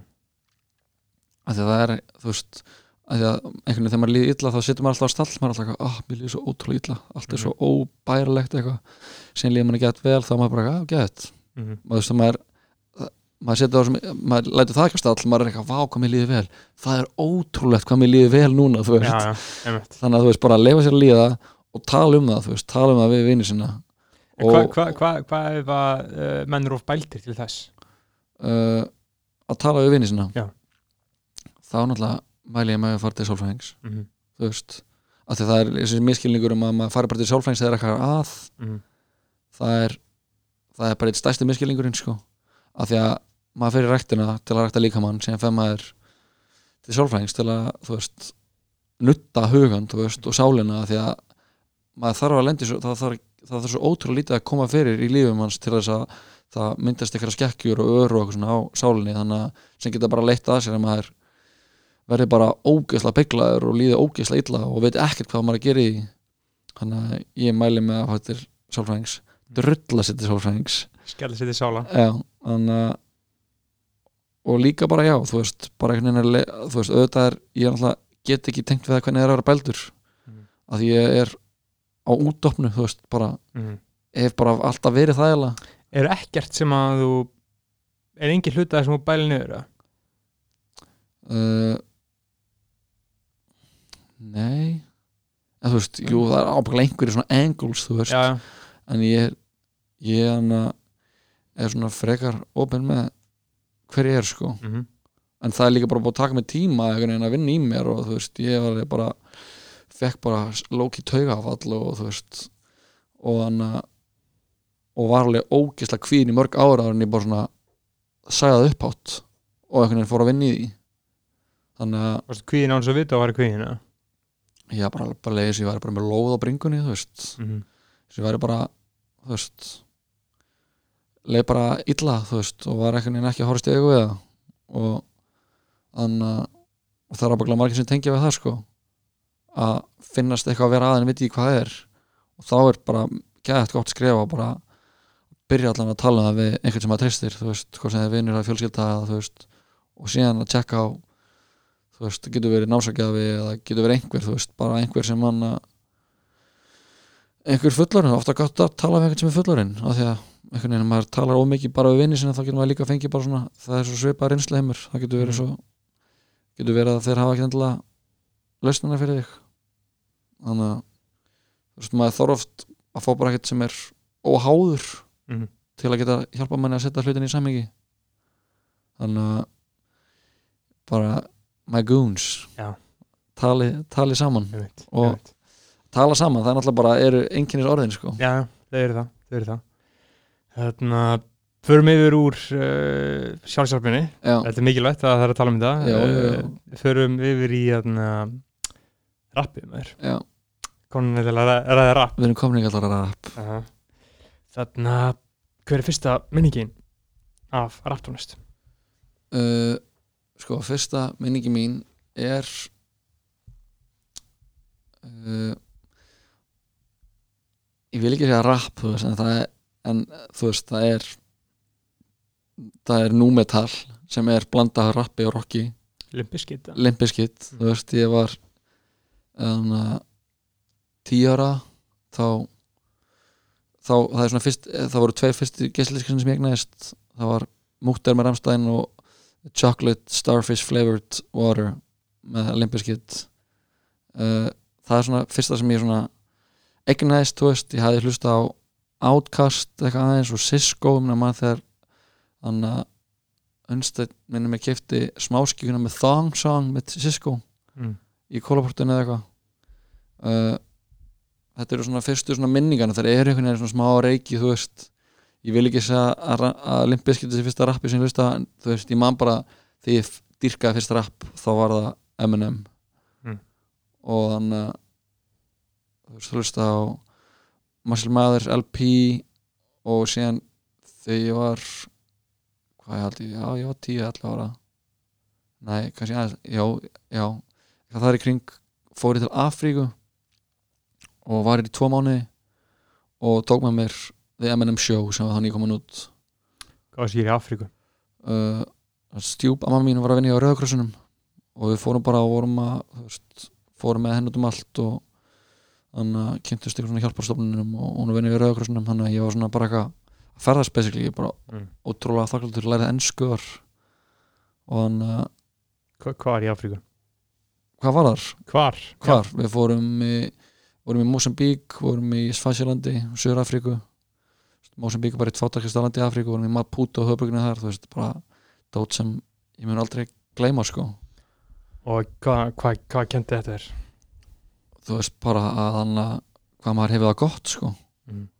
og hvað til ótrúlega mikið óreillandi í heiminum og bara hvað, maður hefur það ótrúlega gott Mm. og hann að hvað maður einhvern veginn má aldrei gleyma því sko hann að að bara fá að vakna í rúmi og bara borða morgumat og eiga vina fjölskyldu og vera bara eiga hilsuna sína þú veist að vera með bara fætur og hendur og Mm. þú veist bara eitthvað svona þakklæti stæmi aðlega sko þannig að þar var ég að bumpa M&M show sko Já. og já þú veist bara geðveik plata þú veist, epic plata Mm. Þannig svo, Eminem, var svo nett hann var svo ógæðast að nettur. Ég náttúrulega var líka sem var ég í rappljómsinn náttúrulega mjög snemma þannig að Rap 101 átti fyrst að heita Diablo en því að ég og hann Lói Jönsson vorum í Kásu kirkjunni þá, Mm. þá streikuðum maður okkur yfir það. Að við ætlum fyrst að heita Diablo sko. Einmitt, það hefur guðlast það verið guðlast þannig að við vorum einn og við tókum þátt í rýmnaflæði og, og þannig að tókum að lægja rappandi lóa í, í stundin okkar. Einmitt. Þannig að eitthvað svona þar, þar, þar þú veist kveiknaði eitthvað Mhm. í kringum emminum og síðan var hann alltaf bara mikið svona rock sem tók við hlustaði mikið á hann að Nirvana svona Nirvana var svona fyrsta hljómsveitin, fyrsta tónlinn sem ég svona elskaði bara þú veist, Já, sem bara virkilega sóttist raunverulega í Já. alltaf og hlusta meira og meira. Já og bara Kurt Cobain er bara hann er ennþá bara hann að guða tölu hjá mér mun alltaf Mhm. vera. Og bara besta rockljómsveit allra tíma, spyr mig. Mhm. og síðan var það eiginlega ekkert fyrir bara þú veist í svona að hlusta á M&M þú veist. Síðan bara tók rock við síðan einhvern veginn var ekkert fyrir í þú veist áttundabekka eða eitthvað. Sem byrjaði að hlusta aftur á rap. En þú veist, varst alltaf, var það bara get basic að þú átti bara að vera að hlusta tónlist? Og varst alltaf bara að hlusta tónlist? Já ég var alveg veist ég var alveg daldið mikið í tónlist alltaf sko Mm. uh, ekki mikið og ég hef verið þessi seinni tíð samt mm. ég er alltaf með tónlist erum með það Airpods á mig já þannig að mm. þú veist, það er alveg bara og það er fólk í kringum mig sem er bara er ekki ennig sko Mhm. og ég bara, þú veist, mér er ótrúlega skrítið að setja sinni bíl og það er ekki tónlist í gangi í honum, þú Mhm. veist þannig að, jú, það var alveg aldrei mikið tónlist, en það var svona þegar ég byrjaði að hlusta á rap aftur kringum þú veist, 15 ára aldurinn 14, 13, 14, 15 eitthvað svona þar sem ég tónlistin svona held tók mig eiginlega sko. Þú veist, það var bara búið að vera eiginlega þú veist, jú, það var Nirvana, hlusta Metallica hlusta Korn, veist, fór Korn í höllinni þannig þú veist, fór á svona tónleika og svona en það var ekki fyrir bara að Bjargmutu vinur minn spilaði fyrir mig Madvellin í plötuna því ég var áttunabæk sem svona ég einhvern veginn fekk virkilega hann að bræða á tunguna sko Mhm. fann fyrir bara ok, þetta er eitthvað dæmi hérna sem við erum með fyrir framan okkur Mhm. og þá byrja ég mjög á, þakklútu fyrir að þú veist að, jú, ég er að hlusta að 50 líka þannig kringum M&M og svona, en þú veist fyrsta svona raunverulega þú veist, sem ég fór að kynna mér var bara eitthvað Stones Throw og. Hlusta á hann að tók allt Stones Throw, hlusta á, J. Dilla hann að MF Doom hann að Madlib, þú veist allt það dót og, og færði staðan, þú veist, yfir í hann að Deila Soul, Tribal Quest þaðan yfir Wu-Tang og Nas og svona dót og mikið dót sem hann fór mikið svona J. Dilla mikið svona svona hringdork fyrir mig, þú veist, fór yfir það sem hann var að pródusera og. Þannig að þú veist, ég fekk þann skóla alveg bara bara beint í æð, þú veist. Og er þið ekki þakkláttu fyrir það? ég er ótrúlega þakkláttur fyrir það sko. Bara einhvern veginn að hafa þú veist, að geta sótt í þessar plötur og, og bara endan það í dag Að þú veist, hlusta á í dag, já, bara, Já. Ég, þú veist, bara gera ennþá bara mjög mikið sko. Og, og náttúrulega líka bara að kynast þú veist. Þannig að meiri East Coast maður þú veist, hlusta á þú veist, byrja að hlusta Wu-Tang og síðan var það þú veist, Biggie og og hann að og Tribal Quest og svona dót sem bara svona meðastallega bara einhvern veginn fann, ég, bara, ég fann svo mikla tengingu Mhm. þú veist og síðan var það bara, þú veist, bara að vera að lappa að lappa bara í gennum Reykjavík bara með heyrndól, bara svona stór sennæsir heyrndól á mér að hlusta bara á þú veist, electric, electric Relaxation með Turtle Quest Mhm. og svona það bara bjó bara til eitthvað svona lí- lífið mitt var bara bíómynd Mhm. og sem gerist það líka að ég byrja að hlusta FL þú veist, að því að það kom út frá þessu þá var FL á fullu, þú veist, og gefa út hana frá heimsenda og, og út með FL er bara svona lag sem bara, það bara spilar á mína hjartastrengi, sko Mhm. bara, ég man bara, því að bara lappa bara í bara vinna einhvers staðar lappa bara í fokkin ógeðslega miklum kulda að hlusta á bara út og þó ég kom ekki tilbaka það hef, hef ég fengið nóg í bíl af kuldaból og klaka. Og ég var bara eitthvað bara bro, bara hvað er það að gera þarna þú veist, Já, og síðan bara bjóla og ég á mót intro og þú veist, og maður svona var svona að sjá þessi gauðra og og hann að og fór tónleika og þú veist, og þetta var bara þú veist, mér er alltaf liðið eins og líf mitt sé bara eitthvað fokkin bíómynd sko. Mm. og, og síðan eitthvað sein, á seinni árum hefur það bara staðfest fyrir mér hvað líf mitt er mikið bíómynd sko. Og þannig að þú veist, já ég er ógæslega þakkláttur fyrir það að því að ég þannig að það eru margir sem byrja bara að hlusta á veist, poppið. Byrja bara að hlusta á poppið þú veist. Þannig að ég er ógæslega þakkláttur fyrir fólki í lífinu sem kynnti mig fyrir, eins og Bóas Hallgrímsson sem var að, vin, var að vinna í félagsmyndstinni á mér sem er söngur í hljómsveitinni Reykjavík. Hann uh, og bara fucking legend endalus verðing á hans nafn mm. hann spilaði bara fyrir mig The College Dropout þegar hún kom út ég var í 8. bekk það bara þessi pláta hennar, þessi gaur Kanye West og ég bara, já ok, cool like, að checka á henn, Mm. þú veist, ég, ég datt ekki alveg inn í það, þú veist, ég fatt ekki alveg Chipmunk sólið og Mm. þetta dæmið, þú veist en hann að en ég er ótrúlega þakkláttu fyrir bara allir sem kynntu mig fyrir tónlistinni sem ég hlusta á, sko Eru þá að tala um þá, svona 2004, 5, 6 uh, varstu að torrenta þetta? Hvernig varstu að fá tónlist? uh, veist, hvern, hvernig jú, já, þú, það fór Þú, þú talar um að þú veist, varstu bara að downloada J Dilla diskografi og Já, basically sko og síðan alltaf bara anna, já, það var bara eitthvað torrent og Mhm. hann þú veist, það alltaf var ekkert ég liði mjög lengi á hann það var á, á LimeWire 250 bestu hiphop allra tíma einmitt, hún hefur haft áhrif á marga sko. Já, þú veist, sá listi bara að hlusta að heyra þar líka bara eitthvað svona söðuríka dót bara Goody Mob og Já, heyra alls konar dót sem ég var ekki, var ekki, inn í þessu circulationi. Var lægi með promo úr Looptroop Nei, það, það var ekki því sko. Það var, það hafði rosalega áhrif mig sko. Já, ég fór að sjá hann alltaf þegar lúptur komið Já. sko, og, hann, uh, og ég kynnti sem mikið um graffið af því að þú veist, ég byrjaði að graffa líka hana Mhm. áttunda bekk og þeir voru með, þú veist, það var, maður var að horfa eitthvað graffvídeó frá Svít og það var eitthvað lúptur í gangi og Mhm. ég kom að spila á göknum og maður fór og, og prófum bara, byrjaði eitthvað slagsmál bara, og hann bara if you're gonna fight, we're not gonna play Mm. og ég, bara, ég er svo oft lendið að það eru slagsmálar sem ég er að spila ég er, þetta er það sem gerir alltaf sko alltaf ég hef bara verið Já. bara, hei þú fucking drullar út af Já. það láta svona þú veist, þetta er svo mikill fundamental dæmi, sko, þú veist Mhm. þannig að að að sé ekki við slagsmál þegar maður er að spila, Nei, en ég er mjög þakklútur fyrir að hafa fengið þetta náttúrulega bara skóli, veist, að hlusta alltaf þessu tónlist og þannig að Mhm. þetta er bara einhvern veginn svona soundtrack æsku minnar, sko. Mhm. og einmitt að mér okkur byrjaði þannig að það, það eru kannski menn að hlusta sko, þú talar um Mad Villainy. Mm það er bara classic plata sem Mhm. allir hlustendur ætlu að kíkja á. Já, það uh, er MF Doom og Madlib já, saminast í Mad Villain mm á Spotify. Og MF Doom er með svona fjóra Spotify profæla eða eitthvað svo leis Já, einmitt. með mismunandi dóti sko. En ég, ég, tengdi einmitt alltaf mest við, með Villainy sko. Af, öllu dótinu sko.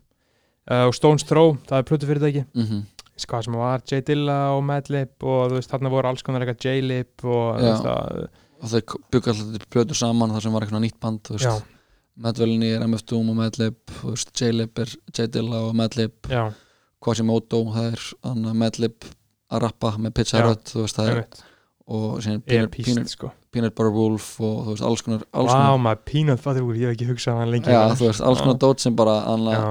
ég bara ég sökti mig þetta og bara, Já. jú, bara netið og alltaf bara vinnum að sanna og, Þetta var fokka mikið austurbæða shit sko. Já, þetta var alveg bara Stones Throw var svona akkurat rétti með við hringbröð, sko. Já, það var 101 shit sko. Já, og þú veist og síðan all, ég, ég var líka, þú veist maður leitt svo líka mikið upp til, þú veist FL og, og hann þessara gauðra og maður sá að þeir voru að sækja einblástur í, í J-Dilla og, og Madlib og þú veist, bara eitthvað svona að crate digging og ég byrjaði, þú veist, var að vinna í í Lucky Records þegar ég var í kólaportinu þú veist, og fekk borgað bara í plötum þú veist, Mhm. og hann átti bara ógeðslega mikið af plötum. Og þú veist, það var svona gammal DJ búð inn í hann 101 félagsmyndstöðinni sem ég fekk að eiga. Og bara eitthvað svona þú veist svona, það er margt sem ég hef gert sem einhvern veginn liði eins og ég sé alltaf bara svona svo síðast til að gera það þú veist, Mhm. áður en hlut áður en eitthvað svona breytti skeiða mikið þú veist Mhm. ég, ég átti bara kassetuspilara þú veist, Já. tók upp múter með Ramstæðin og, og Limp Bizkit yfir á kassetuna og var að hlusta á það þú Mhm. veist, Þú ert svona síðasta kynslaðin sem er náða þessu já, ég er það sko veist, það, ég er ógeðslega þakklútið fyrir það veist, ég hef bara, bara referenspunktin bara að vera kassetan, sem það bara fokkin bara spotti og það er bara allt já. bara í fokkin andlitað er bara já, bara þessi sko. Hríðskotabissan Já. sko. Þannig að já, ég er bara ógeðslega þakkláttur fyrir að hafa kynst þessari tónlist svona snemma sko. Og Mhm. síðan einhvern veginn var eiginlega ekkert snúið aftur. Fyrir MH og kynnist ótrúlega mikið að fólki þar og, og bara þú veist, það var bara gauður sem heitir Gunni sem var Östurbænum sem var með, með, með mér í einhvern tíma þú veist, svona metalgauður þú veist sem bara, var bara satt með einhvern tíma og byrjuðum að spjalla og sem var bara, heyrðu tjekka á EPMD eitthvað mm. kynna mig fyrir eitthvað svona dóti ég bara ok, ok, bara að hlusta það og þú veist og bara það opnast bara alltaf, það opnast bara alltaf nýja dyr fyrir manni þú veist, maður heyrði eitthvað Erik Sörmann eitthvað að pródusera það Já. síðan allt í einu að fara maður að hlusta Redman og þú veist, þetta, og síðan fyrir þetta að tengja saman það sem maður hefur verið að hlusta á og þannig að þannig að ég, þú veist manstu hvað var, þú veist, EPMD það er Erik Sermon og eitthvað P Making Dollars, Hva, hver er P eftir? ég maður ekki, sko, ég hlusta alltaf meira við- mér, mér- mér fannst þetta bara allt svo nett nafn og hljómsveit, skilur, Já. EPMD veist, Erik og ég má bara ekki hvað hann heitir Making Dollars, Einmitt. EPMD það joint maður, það var alltaf upp á slæðið mitt sko. já, Du- du- du- du- du- du- du- epic. Þetta er epic. Já, já maður, þannig að þú veist hvernig er þetta sé í dag þú veist, hvernig uh, hvernig ertu uppgöta tónlist í dag öðruvísi en þá en þá, þarna er þetta að segja, þú veist, þarna var bara fekk maður einhver meðmæli, já, einhvern veginn checkað á því já, og þá var alltaf eitthvað svo mikið commitment að checka á hlutinu já, núna einhvern veginn, ég veit það ekki. Nei, maður hefur ekki, þú veist, tímir eins og við erum að tala um tíman aðan, þú veist, hann er svo öðru í sig einhvern veginn, mm. þegar maður alltaf, þú veist, þá bara hlustaði maður á eitthvað sitt og maður hefði ekkert eitthvað um það að segja, þú veist. Ég var bara ekki heima á Bjarmundu við mínum og hlusta á meðvörlinni plötum, maður bara hlusta á hana, þú veist. Bara seldist niður hlustaðir já, þú veist, maður var bara eitthvað, þetta fucking feitt maður og hann eitthvað, að skratsa og eitthvað svona, og maður er bara eitthvað þú veist, maður er bara eins og bara bóra einhverjum samlagur já, þú veist, bara eitthvað samlokur og fucking hana, mjölkukeks og eitthvað dót, Já. þú veist, og þetta er bara bara sim, simple way back then, sko, þú veist en í dag, ég veit ekki, mér er það mjög gaman að að hlusta á tónlist bara út að keira eða lappa eða mm -hmm. þú veist, hlusta bara á plötur í gegn þú veist, en það náttúrulega er bara sig, þú veist, plötur eru öðru í sig, listamennir eru bara svona það hugsa allir svo mismöndi einhvern veginn Mm. þú veist, ég nenni ekkert að það kemur út ný Lil Gorit plata og ég er ekkert ekki bara ég þarf ekkert að setjast niður og hlusta á hann í gegn þú veist, Nei, nei. en það er alveg er alveg artistar sem eru að gera bara pieces þú veist, er að gera verk sem veist, ég er mjög þakkláttur fyrir, þú veist, ég er mjög mikill talsmaður plötunar sem bara listaverks Mm -hmm. Þú veist, þegar fólk er bara að gera singles finnst mér að smá að lega þetta því að það er bara einhvern veginn svona svo, svo gleymanlegt svo gleymalegt, þú veist einhvern veginn, eitthvað eitt lag, þú veist, jú þegar ert með eitthvað fokkin samingi sem er búið til, þú veist það er eitthvað myndheimur, það er eitthvað Mhm. eitthvað svona upplöfun, þú veist og það er líka bara sem ég dyrka að gera við að gera tónlist er að maður ég er að búa til tækifæri til, tækifæri fyrir fólk að eiga ykkur moment, þú veist mm. Bara eins og þannig að heyrum daginn þannig að homið mig bara heyru, ég var að daginn bara eitthvað þannig að lappa um í Svíþjóð og var að hlusta á Joey 2 og ég bara það var bara gæðat moment fyrir mig bara eitthvað, ég bara átti eitthvað moment, þú veist. Mm. og að því ég átti þessi moment svo ótrúlega oft sem krakki, þú veist þessi headphone moment. Mm þannig að þú veist, ég, ég þannig að þú veist, var mjög ánægð með að ég spilaði þannig að spilaði Joey 2 fyrir Dóri Díana ekkert mann áður hún kom út og hann sagði bara gaur, headphone masterpiece. Og ég Mhm. bara já, it Mhm. is þú veist, Mhm. þannig að þau moment sem mér vera veist, þau gera ótrúlega mikið fyrir mig sko. Þau verður ekki metin til fjár. Þau verða ekki metandi fjár sko. Og þú veist, og hvort sem að hversu margir sem er að eiga í þessi moment þú veist, mér finnst það vera smá irrelevant þú veist, ef það er einn sem er að eiga þá er það þá er það bara mjög stórt fyrir mig sko. Mhm. Og þú munt heldur að vita Næ, uh, langaði til að vita ég þarf ekki að gera það sko Nei. ég treysti alltaf bara á það, því að eins og ég segi þú veist, ég veit að það er hópar fólki að núti sem fokkar með mér, þú veist, Mhm. fíla dóttir sem ég geri og hann að og mér er bara fínt að geta að gefa þeim eitthvað til að hann að, þú veist til að fíla, mm. bara þetta dæmi að fíla eitthvað, þú veist, bara það er það er eitthvað sem ég hef gert mjög mikið af sko. Það er rosalegt koncept. Það er rosalega konskript sko, að bara vera bara að fíla eitthvað dót þess vegna er líka bara fíla lag, podcasti bara legendary, þú veist, þeir eru bara að fíla eitthvað Að eitt lag, shit, já, veit fíla sitt, þannig að þannig að já, þú veist, og ég fíla það líka við þetta lag, eða þetta podcast segi, þú veist að, að koma með eitthvað eitt lag, þú veist. Mm, fíla það, af því að ég gera það svo oft, sko, ég bara, er bara mega lag og ég er bara eitthvað, ég, ég sko, verið bara út að lappa einn mm, og verið bara að hoppa, veist, Já, já. bara að vera bara, veist, og bara líka bara, það er, er svo, líka svo ótrúlega þakkláttur fyrir að vera í þessari senu, þú veist, að því að maður bara kynnist listamönnum, listafólki sem bara er að búið til stórkursildót og maður er bara, oh my god, ég er bara en að ég er samtali við þig, þú veist mm, þannig að það er bara, það er bara gætt Mhm. og þannig að já, þú veist, ég, ég hef, hef alveg spáð bara, að- ætti ég að hætta að vera rappari? Ætti ég að hætta þessu? Síðan er, svona, er ég bara, já, er ég ætla að hætta. Ætti ég búin að gera þetta, þá ætla ég að hætta. Síðan er ég bara núna bara, nei, ég ætla aldrei að hætta að vera rappari. Mm, ég ætla bara að vera að gera sitt bara þangað til að í fucking day, þú veist. Þanga til geti Já. til í day, sko, Já, bara jarlinn þannig að sjáðu það Jarlinn sjáta jarlinn, sko. Sjáðu það Flóna. Sjátt að flóna, þú veist, það eru þannig að mér er bara svo gætt að eiga, þú veist við erum svo ótrúlega heppin með mikið af flottu listafólki á Íslandi, það Af- er ekki eðlilegt, sko, Af hverju heldur það sé? ég held að sé bara vatnið, sko, Já, það er bara eitthvað í vatnið hennar, einmitt. Það er bara eitthvað, þú veist við erum í, við sjóin það er bara, við það er allt eins og eitthvað postkort mm, og það er einhvern veginn þessi fegur og þessi friður á móti, þú veist móti skeggin og kvíðan móti skeggin og kvíðanum og sjálfstæðarflokknum og það er einhvern veginn myndið hérna eitthvað space þar sem það getur bara einhvern veginn gert, þú veist fólk finnur sig bara hérna og finnur Mhm. eitthvað, þú veist, listakiðan kemur bara mm, og bara slumma þig, þú veist. Og við erum bara með ótrúlegt listafólk. Já. og ég þannig að já, maður er bara þakkláttur fyrir þetta allt saman sko. Já. og bara lög, það er bara lög bara, bara til í degum í arlinum Já, gets me every time. Alltaf. Bara ég meina með, með Arni mm, every time. Það er bara lög sem ég get hlusta á aftur og aftur og aftur og aftur og ég er alltaf bara uh, bara oh my god hvernig get ég Já. þú veist. En hvað er það við þessu er þetta, Hvað er það við þessu lög? þetta eru bara þú veist þetta eru bara themes þú veist þetta er bara soundtrack. Þetta er bara kjarnar eitthvað þetta kjarnar bara eitthvað eitthvað, eitthvað stemningu eitthvað, eitthvað tíma þetta er bara eitthvað svona þetta er bara svo tímahelgi veist þetta er bara, þetta er bara eins og að fara á sapt þú veist og maður sér eitthvað maður er bara oh my god hvernig er náður hann að fokkin bara að bara capture þetta þú veist það er bara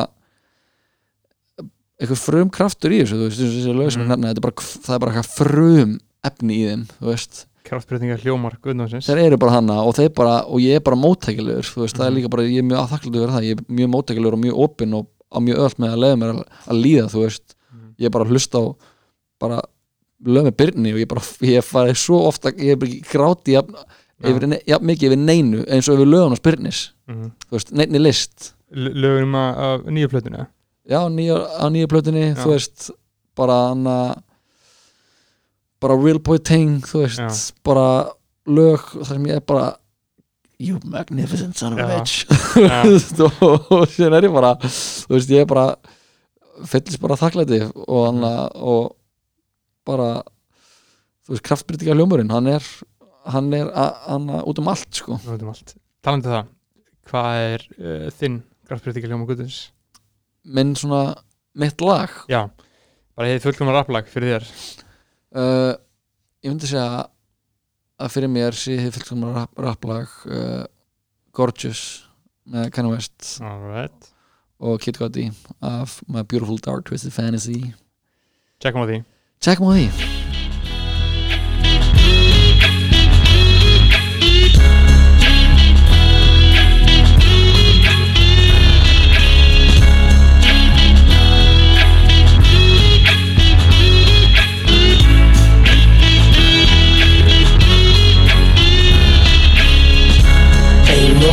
if I want it, I need it. I can feel it slowly drifting away from me. I'm on the edge, so why you playing? I'm saying I will never ever let you live this down, down, down. Not for nothing, I've it. I dreamed it. I can feel it slowly drifting away chances if you blow this. You bogus, I will never ever let you live this down. Penitentiary chances, the devil dances and eventually answers to the call of autumn. All them falling for the love of ballin'. Get caught with 30 rocks, the cop look like Alec Baldwin. Inner century anthems based off inner city tantrums, based off the way we was branded.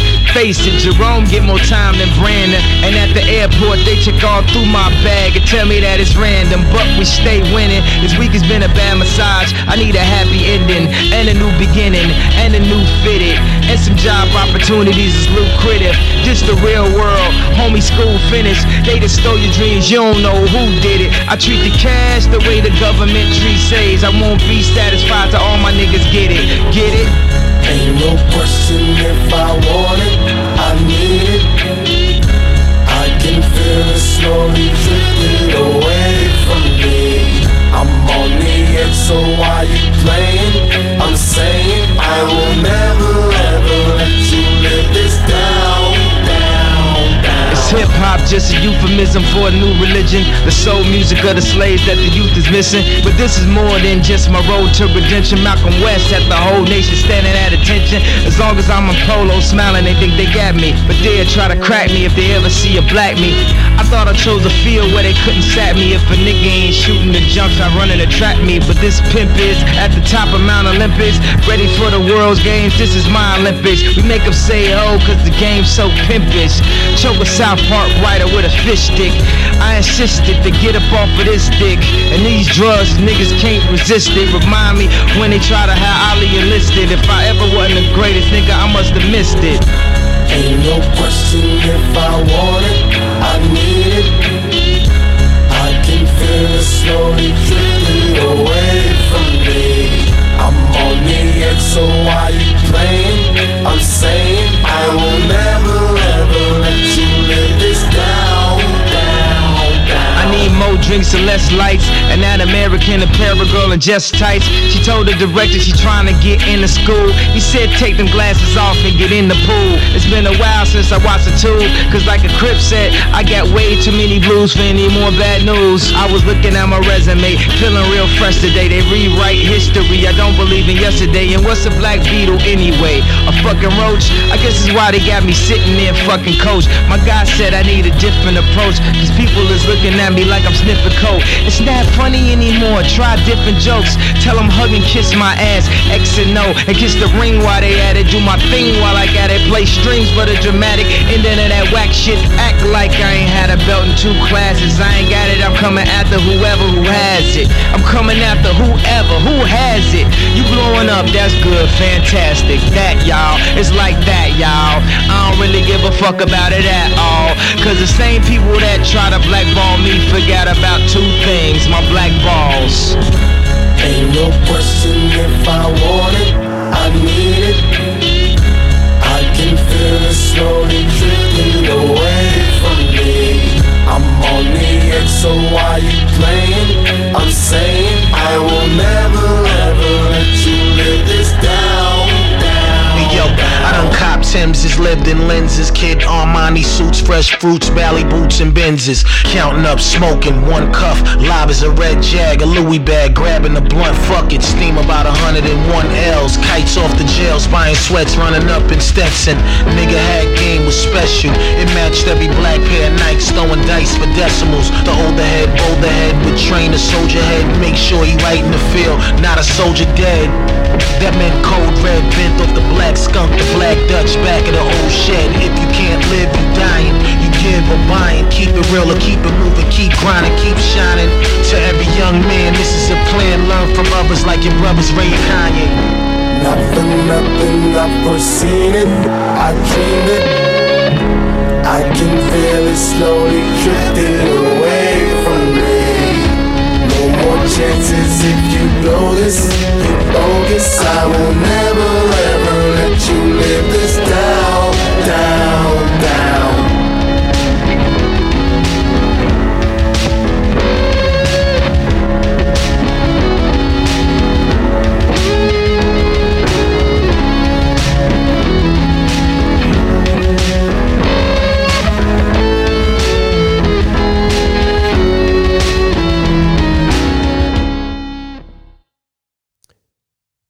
Þessi þáttur er í bóði hambúrgara staðarins Júsú á hverjusgötu 44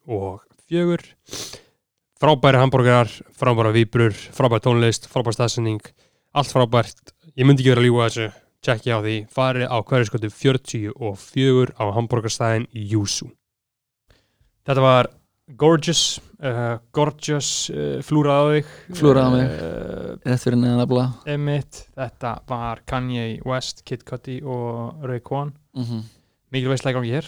Já, þetta er fullkomið lag fullkomið rap Mhm. af hinnu full, hinnu fullkomið listaverki eða spyrir mig sko. Já. eða þú veist, nei, ekki að spyrir mig objectively besta listaverk alltaf tíma My Beautiful Dark Twisted Fantasy Já. Já, bara objectively ég er bara, ég bara er, er að fakta það hérna fyrir Já. fólk sem ekki verðist ekki átt að segja á því sko mm.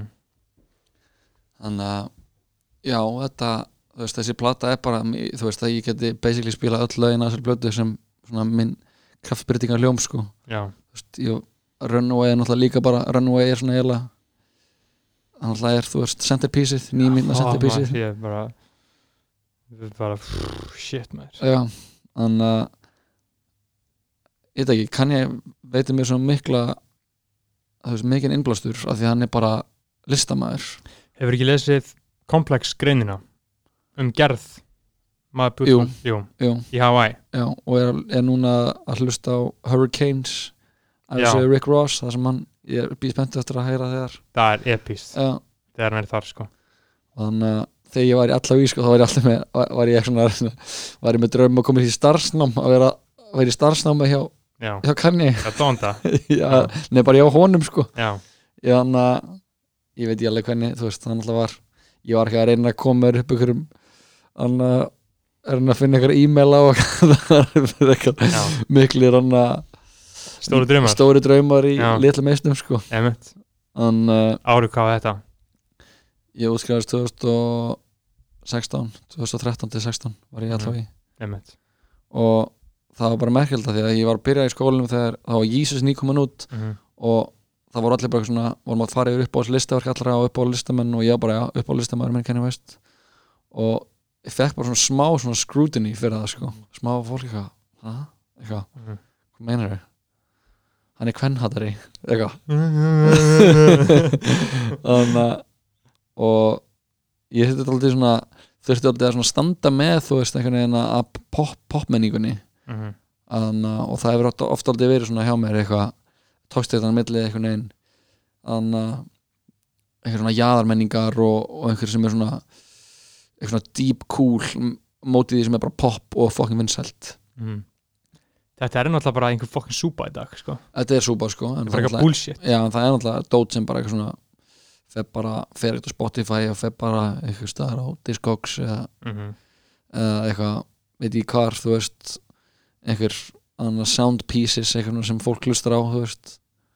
En já, þetta er náttúrulega súpa í dag sko. Eins og bara eitthvað Playboy Carti. Mm Þetta er bara eitthvað avantgarde rap þetta er það sko, Þetta er bara eitthvað bull þetta er bara bull bara heyrist bókstallega ekki, Hann er bara, þú veist, hann er snill þetta er snild sko. Og þetta er bara svalast sem til er í heiminum. Mm ég var einmitt í hana, var í útskiptaðuslu um helgina og það var hana amma frængu minna var eitthvað að kynna mig fyrir einhverju einhverju frendfólki sínu Mm. bara, hana, bara fullari fólk bara, veist, fólk á áttuðisaldrinum og var eitthvað, já, hvað gerir þú? Eitthvað, ég, en þá, hún var eitthvað, já, hann Jóhann er tónlistamæður já, ég er rappari Mhm. og þau er eitthvað, já, hann að og þá var einhver, einhver svona að segja mér eitthvað eh, kallinn sem ég var að spjalla með hann eitthvað, já, besta rap sem ég hef heyrt var eitthvað, ég man ekki hvað hann var tala um, hann var að tala um eitthvað svona einhver, að hann hefði eitthvað um einhver rappa yfir eitthvað Pink Floyd lag mm. og sem hann sagði eitthvað svona, það er svo taktfast og, og síðan var eitthvað, já, maður skil nú ekkert með það sem fólk er að segja í dag í svo rappi og ég eitthvað, nei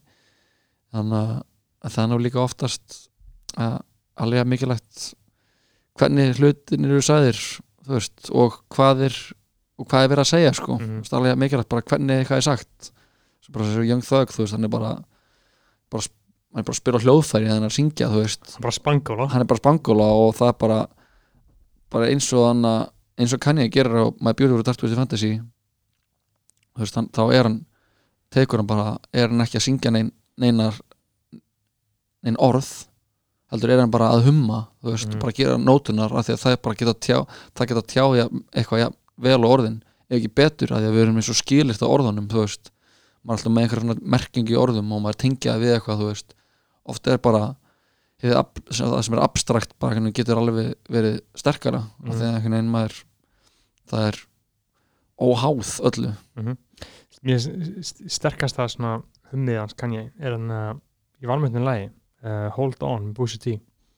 Og Rick Ross, frábært. Það er ekki aðeins um það sko. Já, er hann já, í gegnum lagi sko. já, það er ekki aðeins lag sko. Mm. og Pusha T er náttúrulega bara allra besta rappari allra tíma. Hann er það. Daytona er besta rafræð alltaf tíma sko. já, og það var svo gæðið að sjá hann á Mm. Solstis í fyrra. Já, ég, ég verð eins og krakki sko. Ég man eftir uh, ég man sérstaklega eftir að þú að koma, koma ykkur að byggja um selfie með þér. Þegar við vorum hann í já. Og þú sjúar heimist já, lestu sem ég heyra. Já, ég þú veist ég þannig að þú veist, maður er bara ég er bara fan sko. Já, hann var ógeðslega góður að sólstis maður ógislega góð sko, ég er líka hitt, hitt hann í Barneys í New York. Það heitir henni liftu það ekki? Jú, og var eitthvað með einhverju, einhverju improvirum mínum. Og vorum efstu í Barneys sé að Pusha T er hana með einhverju gælu einhverju side piece og bara eitthvað, erum að hann fyrir inn í liftinu og ég eitthvað krakkar við erum að fara, við erum að drífa okkur. Fyrir inn í liftinu með honum stand og er bara, ég er, ég er svo stitta sko, ég er bara eitthvað, og síðan bara eitthvað, I'm a very big fan. Uh, eitthvað, can I get a picture? Og bara, ég er bara svo eitthvað fucking mm. lulli, þú veist. Og hann eitthvað, yeah sure eitthvað, tek mynd, gælan hans fyrir út í liftinni liftin lokast. Og hann festist inn í liftinu með okkur, er eitthvað ít að takkan hún fyrir aftur upp og ég er eitthvað sorry. Það er bara ekki svona gúbba moment, þú veist. En það er líka þar sem, þú veist, ég dyrka eiga svona moment þar sem ég er bara eins og eitthvað fokkin þú veist, þar sem ég er bara fan þú veist, að ég, þú veist, það er bara að því ég er það eiginlega fyrst og fremst, þú Mhm. veist ég, Já. all, datt aldrei í huga ætla að vera rappari Mm. aldrei þú veist ég bara byrja stört, stört atlas og hann að ég byrja að syngja og rappa eitthvað þar aðeins á ensku sér er bara einn í herbygginu hliðin og það sem ég tek fyrst getur vers á íslensku þar sem ég bara herru ok þetta er mjög skemmtilega hvað vers var það? það var lag sem kom aldrei út með hann að með Flóna og, og Bleach þetta er gælur sem að elska ís. Gjálf sem elska ís. Sem var þetta var svona tímibilið að maður alltaf kaupir sér eitthvað svona þannig að eitthvað og jewelry fresh eitthvað svona Mhm. eitthvað arbönd og ringa og kæður og og ma- maður bara eitthvað bust down þetta var fucking gaman sko. Og já, eða síðan þá bara hef ég ekki litið tilbaka sko. Mm. sko 2017 mm það var rosalega ár maður. Það var rosalega ár sko uh, andrumsloftið var allt annað mm hvað hva, hva, er búið að breytast? uh, basically allt sko, mér líður svo 2017 síðan fyrir þú veist, tíu árum síðan eða eitthvað Mhm. þú veist, að droppa risalög þetta ár, þú veist, Mm. ég gef út mitt fyrsta lag, Cypherin Mm. uh, sem alltaf bara svona, þú veist er bara eitt besta íslenska rapplag alltaf tíma já, já. Þann, uh, og kjarnar, þú veist af því að það sem ég hef alltaf stert með að er að ég, þú veist ég er mjög góð bara í samskiptum og ég á mjög öll, mér er mjög gaman að taka svona að þú veist, ég er bara svona leikstjóri í mér, þú veist, mér er gaman að taka þennan setja með þessum, þú veist, svona, og þannig fekk ég bara, þú veist, bara Birni og Herra saman í grunnur, grunnurinn að þessu lagi var til sem bara sendi á Aron. Aron skrifaði þetta, þú veist, versið þetta og þú veist þetta lag væri ekkert án þeirra allra líka, þú veist Mm. en ég er bara svo ánægður að ég bjóti samingið þar sem þetta koma heim og saman þú veist, og síðan var bara heyru förum, tala við Andra Haralds geitina, förum við Costco skjótu vídeoið og þú veist rest is, his, is history sko Mm. Þú veist, það var bara einhvern veginn það var bara, þetta var bara the right time, right place og andstæði rangum maður, rangum tíma sko. já, ángrínis mm. Og það hefði ekki getað gert þetta með ég sko Mm. og það er, það er svona sem ég er stoltur af sko, ég er að ná að búa til þessi, þessi moment, þessi, þú veist, búa til samingi setja hlutan einhvern veginn í rammáð inn og hann uh, já, síðan alltaf bara að droppa fleiri löðan alltaf bara fulli vasar, kemur út ára minnum líka Já. og B.O.B.A. kemur hana og já, ég veit, já ég veit, þú veist þetta er alltaf bara út í game, út í game leika leika og hann að þetta má með, mm með herra og MC og þú veist og leikurinn var alltaf bara að píka hana -hmm. þú veist, hvort sem maður eða veist, mér, ég held að segja alveg að þetta segja það bara og það er að dáta að þannig píkaði Mhm. leikurinn þannig að burt sér frá hvernig streymistölur og hvernig dót hvernig maður mælir hlutina Mhm. þú veist, það var þetta þannig að var píramidin bara toppurinn á píramidinum sko Mhm. er ekki að segja að þetta sé eitthvað slæmt núna en þú veist, þetta var engu líkt Já. fólk var að sjá og heyra hluti sem að hafði aldrei séð en ég heyrt aður Mhm. og bara og bara stemningin var alls að ráðandi sko Mhm. lífið var auðveldara, einfaldara síðan var líka sko þegar ég hlusta á rap frá þessum tíma mm uh, það er ógeðslega mikið talað um pillur. Já, já. Og, og þú veist, á þessum tíma mm þá var bara pillu epidemic á Íslandi. Já, það var faraldur í gangi. Það bara var annarkuð maður að segna sig. Já. Það er bara- það er- það- það já, það er rosalegt að hlusta á þessu lög sko. að því að náttúrulega í, í góður list hún speklar raunveruleikan mhm, uh, hún á að segja frá sögum sem er í gangi í samfélaginu. Mhm, og það er ekki endilega rapparnir séu að gera þetta vinsalt, heldur eru þeir að segja frá raunveruleikanum mhm, eins og þetta er. Já, og þarna var raunverulegur sannaks faraldur í gangi. Já. En það ekki? Jú, mena, þetta var bara landsins og þetta var bara þú veist þetta var bara já, faraldur, þetta var bara eins og engisbrettunar mm -hmm. þannig að og já, bara allir bara ógeðslega, þú veist, bara kæruleysis lif, þú veist, Mhm. hví að drefmatið þannig voru allir bara eh, bara nára fuck to give bara hjá öllum, þú veist. Að því maður, maður sér þetta bara í textum bara hjá, bara þér, Mhm, Birni, mhm, Arni, mhm. Flóna já, uh, öllum. Já, Ge Geisa Kartell komið þeir ekki akkurat þannig líka? Jú, jú, meina, þú veist, ég er fucking legendary session með geisa hennum já, nýjum bíl var til hennar hliðina og, og bara alls konar, þú veist. Mhm. þú veist, það var mikið, mikið um pillur, sko, og það er alveg bara grínlegt mér, sko, að líta að hugsa þetta tilbaka, sko hvað maður talaði mikið um þetta mm. og síðan kom svona mómenta sem ég bara herði síðan hætti þess allir já, ég hugsaði bara, þú veist það, maður getur ekki verið að glorifæða þetta þetta er ógæðislega hættulegt mm þetta er ógæðislega, þú veist, auðvitað speklar þetta, þú veist, og Já. rappi gerir þetta ekki vinsælt en rappi gerir þetta stálega aldrei vinsælt held ég, mm. þú veist, þú ert með hana bara heitustu gauðra landsins og Yep. tala um að poppa pillur, það er með bara, damn, I want what they're having, bara að sækja já, þú veist, smókur að pápa pilli þannig að auðvitað, hefur þetta sam, sam svona, þú veist, í sæfæðnum, hver er þetta einasta veð sem nefnilega herra, hann var eitthvað já, þú og Binni og Aron allir að tala um pápa pillur. Já, já þetta var bara, þetta var staðan. Já. þetta var staðan. Mm. og já, blessunlega er þetta ekki staðan lengur sko. Nei, hvað hva, hva, hva gerist? Uh, náttúrulega bara þú veist bara fólk dó þú veist, Mm. þetta er náttúrulega bara ógæðslega hættulegt þetta er náttúrulega bara þetta er bara ógæðslega ánabendi þetta er þú veist, þú veist með krakka því að þú veist, ég var í aust og þá var krakkar eitthvað þú veist, vinið mér byrja að reykja síkó og drekka, þú veist, 8. bekk og einhverjir byrja að reykja weed 8. og 9. bekk, þú veist get ekki ímyndað með hvernig er að vera eitthvað veist, í 8. bekk og bara að taka róandi þú veist, það er bara absúrt Mm. þú veist, það er bara, bara rústa í þér fokkin heilanum sko og bara kerfinu er bara að búa til ógustlega sk skakka og falska myndaði hvernig heimurinn er, þú veist þannig að blessunlega var þetta ekki langt tímabil það sem þetta var þú veist, þriða hvert orð sem kom út úr röpurlandsins Mm. en ég meina ég sé þetta ekki eftir neinu sko. Slutinir fóru á þennan veg þurftu að gera það maður hefði ekkert geta eitthvað breytt í sko Einmitt.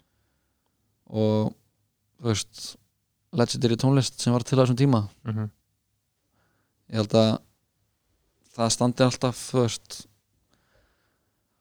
hæst eftir eitthvað svona dót þráttur að alls konar hræðal sem gerist og auðvitað bara hana, hana rest in peace allir sem bara fjallu vegna þú veist eitthvað afleðinga að þessu þessu dópi þú veist en hann að en þú veist, þetta er náttúrulega bara svona ákveðin minnisvarið um, þú veist, um, Mm. um eitthvað viðhorf og eitthvað, eitthvað týranda já, bara eitthvað sætgæst sko. já, eitthvað setgæst, sko, Menna, þú veist það er alls konar lög sem þannig að maður getur hlusta á tilbaka og maður er bara hvað var í gangi, þú veist Mhm. bara elskum þessar mellur, þú veist Mhm. maður er bara did they really? Já. en, en hv- hvernig var að taka gaggrinni þetta var náttúrulega gaggrind eitthvað á þessum tíma. Já, þú veist, ég pældi ekkert í því, sko. Nei.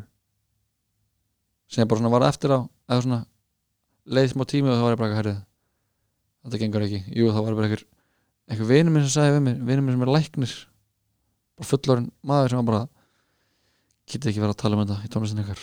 Og ég bara, já ok, eitthvað. Mm. síðan bara, ég þurfti bara að fatta sjálfur þú veist, já, já, en eitthvað svona eitthvað, eitthvað gaggrinni frá einhverju lið þú veist. Fokk þetta, fokk þetta, fokk þetta Já, sko, ég, ég veginn, veit ekki Íslendingar dyrka að vera eitthvað að benda á aðra og segja eitthvað þið eru að gera þetta vittlust, þetta er að gera þetta svona, svona, svona. Það er svo fokkin auðvelt maður. Mm liðið eitthvað með, situr upp á einhverjum einhverjum, einhverjum hásætum og er að benda á hinna og segja hvað þeir ætti að vera að gera og ætti ekki vera að gera og maður er bara, þú veist, hvað hvað er haldið því að þið séu þú veist, liðið eitthvað á Instagram eitthvað, segja manni hvernig allt er og hvað mm. allir er að vera að gera þetta og hitt og eitthvað, þú veist, auðvitað er hann að bara nöðsynlegt að að gaggrina hluti og eitthvað svona það er munur, munur að finnst mér að vera eitthvað að gaggrina þú veist, eitthvað eitthvað, ástand og týranda og þú veist, eitthvað menningu, þú veist? En að vera eitthvað að benda hvað heyrið þú akkur þú að gera þetta, þú veit að geta nú verið að gera þetta miklu betra? Eða þetta eða þetta, þetta? Maður er eitthvað þú veist, hvað orka þú veist, hvað, hvert aldrei þessi orka hver er aldrei að áta áorki? Þú veist, þessi á, þú veist þannig að jú, jú, maður alveg fengið eitthvað kvíða yfir eitthvað að vera að segja eitthvað um hann þú veist, en þetta ekki, fokk þetta, fokk þetta, fokk þetta lið Já. sko. en þetta er náttúrulega svo lítið land. Hefur einhver, eh, hefur einhver verið að uh, verið eitthvað að sugra þig á Twitter eða eitthvað svolítið svo síðan hutta í alvörni eða? uh, nei, meira svona ég sýrst eitthvað á Twitter og sér hitt hann í alveg en þú veist, bara eitthvað bara fekk þetta um eitthvað komment eitthvað þegar ég var að gefa út gefa út fyrstu tvær blöðunar eitthvað svona komment sem bara svona ég var fokki perraður út af þú veist, það var eitthvað gátt anxiety city og þú veist, náttúrulega bara bara gaurar á henni, þú veist, Mhm. ég er bara að vinna með vinum mínum, þú veist, sem eru gaurar, þú veist, Mhm. og hann að og þá bara, heyrðu, hvað þessi hérna bara að gefa út eitthvað plötur og bara gaur og maður bara, vilti alveg sem eitthvað tókinn gælu hérna bara að, fokkin, Mhm. til þess að eitthvað þig, þú veist?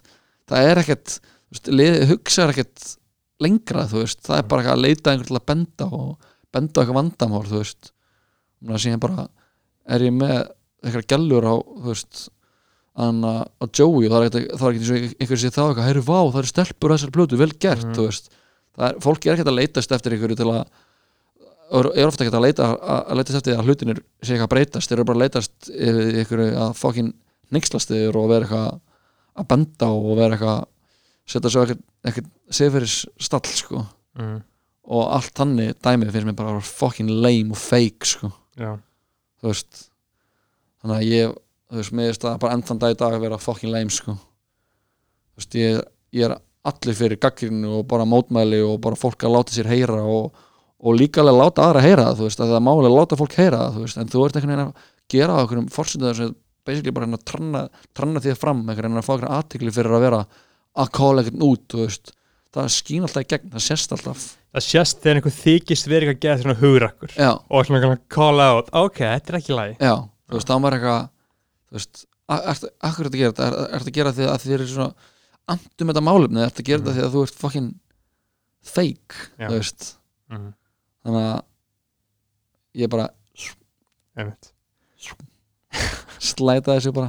Auðvitað, auðvitað. Og það er alltaf að gerist með að að það hafi ekki verið mest gaggrinni á okkur þegar Oh My God kom út? Jú, og gaggrinni sem átti nú kannski alveg rétt á sér. Já, já, jú, bara auðvitað, og hver, hver- hvernig var það eða? en með mig er alveg, þú veist þá var bara hann að vera að tala uh, bara, þú veist alltaf mikið tala um, þú veist, kynlíf og okkur svona, þú veist, með veist, einhvern veginn með veist, gaggirinn á það að vera svona ekki talað sérstaklega miklu vatni, þú Nei, veist. það er svo Tarantino, það er ekki svo viðtal við hann þegar það er eitthvað að vera að spura hann eitthvað, eitthvað why so much violence why is there always violence in your movies? Já, og hann segir bara eitthvað because it's so much fun! Þú veist eitthvað, byrnir eitthvað að tala um eitthvað þú veist, jú, þetta ver, verra þegar maður tala í bóhætti, þú veist. Já, já, en að þú veist að fylgjast með lífstíl þessara ungu manna þú veist, lið einhvern veginn er að gaggrinn eitthvað en þú veist, það er bara að vera að tala nákvæmlega um það sem er verið að gerast sko. Mm. og jú, þetta að tala þú veist, kalla eitthvað bitch, þú veist, það er ekkert gaman þú veist, nei, og hann að en þú veist, ég tala þetta líka bara um, um þetta bara við vinni mín og vingunum minna sem var eitthvað, er þetta, þú veist, já, þetta er náttúrulega þú veist, það er niðrandi að tala um bitch, þú veist, og þá sé bara langa sögu, þú veist en þetta er ekki, kannski, það er ekkert mitt að segja þú veist, að take it Mhm. back eins og hann að eins og þegar Cartman að taka tilbaka eitthvað í South Park, þú veist mm. En það er, þú veist, að vera bitch með að vera bara orðið eitthvað svona samið yfir lið sem er bara eitthvað fucking bitch, sko. Já, já, bara bitch ass. Bara eitthvað bitch ass lið, þú Já. veist og það hefur ekkert að gera með hvort þú kallaði konan. Ég get náttúrulega ekki sagt það, þú veist. Nei, en eða ekki, þessi gaggrinni þú það var eitthvað ringt í mig. Ég var að skjóta vídeo fyrir Sagga og mig bara að blaðamaður. Og hann spyrjaði út í hann þetta lag textin þessu lag, oh my god og ég bara, alltaf að gera frétt um þetta? Og hann bara, já, ég eitthvað for real, bara þú veist hefur ekkert að gera. Þú veist það er einhvern veginn bara það er líka bara eins og einhvern veginn hlutinni virka að bara fyndi eitthvað sem einhverjan hengslast yfir og þá bara já, fólk er hengslast yfir þessu. Síðan er það kannski ekki nefnir einhverjir fimm eða tíu sem er hengslast yfir þessu þú veist. Og það maður eitthvað hætt, þú veist og maður gæti náttúrulega bara fucking legendary lag þú veist. Og, og, hann, og ég held að allir, við allir sem gera það bara höfum eitthvað fengum bara eitthvað í, reality checkana og maður læri bara því og maður er einhvern veginn bara vex og maður þarf ekki eitthvað látið sem maður við vorum, vorum engin fórnarlömbana sko. Mm. Nei, þetta ekki ég, þú veist, ég náttúrulega er líka að segja ekkert sérstaklega, ég er ekkert með neitt ex- explicit texta í þessu lagi þú veist, þú að ég er ekki að segja neitt veist, en það var hringt í mig Já. þú veist, frá fréttablaðinu eða eitthvað staðar þú veist, það var hringt í mig, þú veist. Ég þarf ekki að taka upp hanskan og vera eitthvað já, þetta er svona, ég bara ég hef ekkert um þetta að segja, þú veist. Þannig að bara en, I don't know, maður, þetta það er bara funny, sko. Já. En heldur að þú veist heldur eitthvað svona muni gera þetta eitthvað svona aftur eða?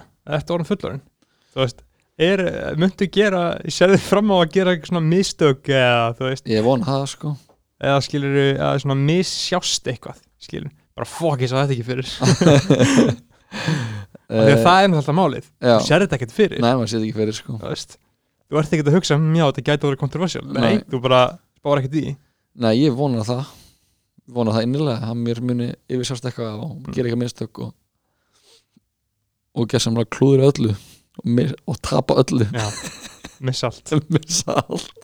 Fyrir að byrjun Nei, þú veist, don't know ég, veist, það er náttúrulega bara, maður læri mest að gera mistök þannig að ég vona að ég er nóg eftir að þeim sko. Mm -hmm. En maður er svona orðin, ég er komið svona þokkulega dönnu vinnubröð sko, Mm þú veist ég en að ég segi ekkert mikið eitthvað sem ég verð ekki með að gefa alveg second, third thought já, Næ, þetta ekki, kannski ekki rappi, kannski ykkur öðru. Móndi klúður einhver staðar annar staðar bara. Mm -hmm. hvernig sjónvarsæti, missar út þér? Já, missa ekki út um mér. Live TV Live TV, Þannig að Já, kom með eitthvað hannig sko. Já, það er bara gott maður. Já, vonu það. Svo telethon, George Bush doesn't care about black people. Nákvæmlega, þú veist Bara droppa ykkur þannig eitthvað mann já, við hefum búist því. Já, menn, aldrei við það, bara coming soon Kemur í ljós. Emitt, emitt já maður, þú ert að gefa ný, nýja blötu núna. Já, maður, uh, bestur. á amalstæðin, Ammælstæði minn, 12. júni já, bestur, mikil veisla. Mikið veisla. Mikið- Besta plata, þess að ég samanlega, Já, ég hlusti á hana aftur núna í gegn. Já, uh, þín besta plata, 100% já. Uppáhaldslæði mitt er þarna það er læg með Benna. Já, síðast heim, já, já Það er CEO rap sko. Já. Það er þarna það er uppáhaldslæði mitt eins og stendur sko. Já, hvað er uppáhaldslæði þitt? uh, uppáhaldslæði mitt núna er þetta er nótt með Daniel. Það er feature okkur einsta læði, ekki? allir með einu, einu. The Centerpiece, hvað er frétta? Já, já, já þannig að, en þú veist þú hefur ekki tilkynnt feature eða? uh, nei. Nei. en ég bara, þú veist, þetta eru usual suspects já, þannig að mér er bara svo ógæslega gaman að vinna með þú veist, ég gerði alltaf þessa plötu eða, þú veist, ben, lagið með Benna og lagið með GKR eru einu lögin sem eru til í sessunum með þeim sem Mhm. öll hinn lögin sem við feature á þá var ég, þú veist, gerði hann í, bústað með Þóri með Sör uh, sem er kongurinn Kongurinn uh, og síðan var ég bara herri mér langar að fá þennan á þetta lag. Mhm. þú veist, mér langar að þess, þessi gerir þetta það er svona líka sem ég dyrka tek frá kanni, er þetta að að að fá einhvern inn til þess að leiða einhverjum að sæna svo bara Nicky á Monster veist, hann var að pæla að hann af læginu það sem það er bara þú veist, þannig að hún er með besta versið á bestu rapplötu alltaf tíma. Mhm. þú veist, en auðvitað leiða því að slæta því hann er fullkomi listamæður og hann að fullkomi listaverk þessi plata þannig að ég svona dýrka líka að gera það bara að fá búa til eitthvað Mhm. smetla einhvern við og með öll featureum passa fullkomlega við hana sko. Ég, var, ég gerði Joey 2 með svona leiðalösi ég ætla að gera þetta sjálfur ég ætla að gera þetta allt sjálfur og sem bara þegar ég leið Flóna að syngja húkinu 100p skrifa hann söngan fyrst sjálfur ég að Flóna að syngja hann það var eitthvað herri þetta rötti mín er bara ákveðið sterk. Þú veist, ég, mér langar bara þú veist ég, mér langar bara að fá fleiri til, að- fleiri til að koma og syngja eitthvað sem ég skrif, skrifa sko, með þess að gæða þetta Mm. þannig að ég er fokkið smettur fyrir þessari blötu sko. Já. ég held að hann að að fólk sem fíla tónlistin sem ég gerir muni vera mjög sátt með hana Sjö lög sjö lög, My album seven songs já, fullkom með lengt Já. uppáhalds tala mín Já. Á ammælistæði minn. Uh, þannig að já, mér veist ég bara aldrei hafa þú veist, veit ég mikið hvað ég er að gera. Aldrei hafa, þú veist, þetta er bara svona svona kjarnaðasta plata mín til þessa. Öll lög producerað af Þóri, Mr. Sir. Já, veist þessar og bara nýtt sound, þú veist, mér veist það bara vera sound af þessar blötu sem ég hef ekki hýrst á Íslandi áður. Mhm. og mér veist það geðað líka að vera, þú veist, það er bara það hljómar ekkert eins og þetta. Fyrir hlustundi sem að þekkja ekki nafnið Mr. Sir Þórum að Davíðsson uh, hann er fættur og uppálinn í Garabæ uh, býr í Berlín og hefur verið að gera ótrúlega gott mót þar sem bara einn eftirsótasti pródúserinn í, í þýsku rapserinni pródúseraði fyrir Young Hearn að mestu og, Fergie og Og þetta eru rosalega stórir þýskir rapparar. Já, þetta er bara þú veist, Massífir massífur sko. Mm. og þó eru líka bara við bara bonduðum eða strax. Þú veist við gerum fyrsta lagi í Berlín í síðan sumar því ég fór að heimsóta þar. Mhm. var að koma af drakken larpháttíðinni og hann uh, og fór og tók sessjum með hann og bara, það bara small þú veist, hann er bara chill og f- langar að vinna. Og ég er bara chill og mér langar að vinna. Þannig að þessi plata var gerum, gerum grunna hann er basically bara viku sko. Mhm. var alveg bara til viku sem er búin að vera bara fín púsa og fá feature og eitthvað. Þannig að þetta er stikki sko. Þetta er meistrast ekki já, Það verður gaman að sjá. 12. júni 12. júni 12. fucking júni maður. Já, fættist ég. Já. 1992 já, uh, Færðu úr 27 Club já, ég kem, kem þaðan á Já. lífi, Já. Blessunarlega. Liða af? Já maður, ég er bara hlakka til að halda þessum að lifa þessu lífi sko. Já. Maður er bara fokkin heppin með með allt sko. Mm Það verður 28 ára? Hvað, hvað við sem aldurinn? Bara, hann er bara fýtt sko. Mm þú veist, ég var í gymmin á hann og var, var með Sindra Jens og, og Haraldi bróður minn og Byrni og, og Sindri var eitthvað, ég veit ekkert hvað þeir eru gamlir sko ég veit ekkert hvað þú veist, ég spá ekkert hvað fólk er gamall lengur. Ég bara, nei, þú veist, maður er bara gamall að maður lefa sér að vera. -hmm. ef þú ert bara ógæslega áhugufullur og allt bara, allt bara eitthvað er ógæslega erfitt og þá verður þú bara gamall. Mm en þú ert bara eitthvað shooting the shit, bara Forever young. forever young. Já. Þá, hann, þá getur þú verið það sko. Mm og ég hyggst þú veist, verða 200 ára. Já Bæjóhakka þetta bæja að haka þetta, Já hver veit hvernig þetta verður þegar maður verður gammal veist, og ég held að maður getur orðið miklu aldrei en, maður, en fólk Mhm. er að vera í dag sko. mm þannig að, Og heldur þú verður alltaf uh, listamæður eða? já, það er bara þú veist, Hvernig finnst þið business? ég þú veist, mér finnst það fucking leðilegt sko þú hattar rekstur og uh, Já. svona bara eitthvað svona að þurfa að spá í einhverjum smáturum smá dreym sko Já. ég er bara, ég finna ótrúlega vel til sérstaklega þegar ég leikstýri þú veist því ég set bara eitthvað, herri gera þetta, segja þetta og að gera og einstaklinginu gera það og verður eitthvað snill það er bara damn I'm good, Mhm. veist og ég er að fara að gera tvær sýningar núna í bæði þjóðleikusinu og borgarleikusinu núna í ár Já. og og fekk bara, fekk bara sínda og okkur langar að fá þeirna að vera með þessari sýningu þú mátt gera tónlist eða mátt leika eða mátt vera söðsöndur eða og ég er bara núna að býða þessu síndali svo lengi sko. bara eitthvað, já, við viljum frá þig. Já, Já. einhver kom og segir bara, heyrðu, hvað þú verðt í hana Mhm. svona borgaði fyrir það. Og ég bara, finally þú ég er búin að vera að segja þetta svo lengi bara, það þarf bara einhver að vera að borga mér fyrir að fucking vera bara straight chillin sko, já, bara sjáu það hvað mun gerast sko, það mun eitthvað bara óþjóð væpa. Bara sko, Já, af því að ég þú veist, kem hlutunum í verk sko. Mhm. það verður ekki tekið að mér. Þú kannt að vinna? Já, af hverju kanntu að vinna? Uh, ég veit ekki, ég er bara dúer sko. Ég veit ekki hvað annað, þú veist ég er oft algjör svona ég er meiri svona ræfill heima fyrir þú veist, ég er alltaf að bæta mig að taka meira ábyrð á heimilinu og svona en þú veist, ég er ekki að góða að vinna þar þú veist, og ég er oft ógæslega lélugur að að bara svona, ég þarf að gera eitthvað að gera það, Mhm. en bara hérna því ég fef bara frelsi, þú veist, það er bara þetta barnslega í mér, þú veist. Eins og kann ég tala mikið um hana, á maður Beautiful Dark Twisted Fantasy þú veist, hann að tala um þetta hana, hana bara þetta fullorinn, að drekja barninu þú veist, halda niður þessum bars, barslegu kvötum þú veist, sköpun og gleðin hvað hann að reality is catching up with me eitthvað fire, my, my inner child I'm fighting, for, custody, þú veist, Já. þetta er bara hann að tala um þetta þú veist, Já. og er þannig bara þar nýt ég mín sko Mhm. þar bara á ég heima Mhm. og þar þú veist, þar er bara tilgangurinn sko veist, ég er bara ég er bara svo fokkin ánægða með að vera með bara, ég er bara með köllun Mhm. að búa til list að skapa hluti.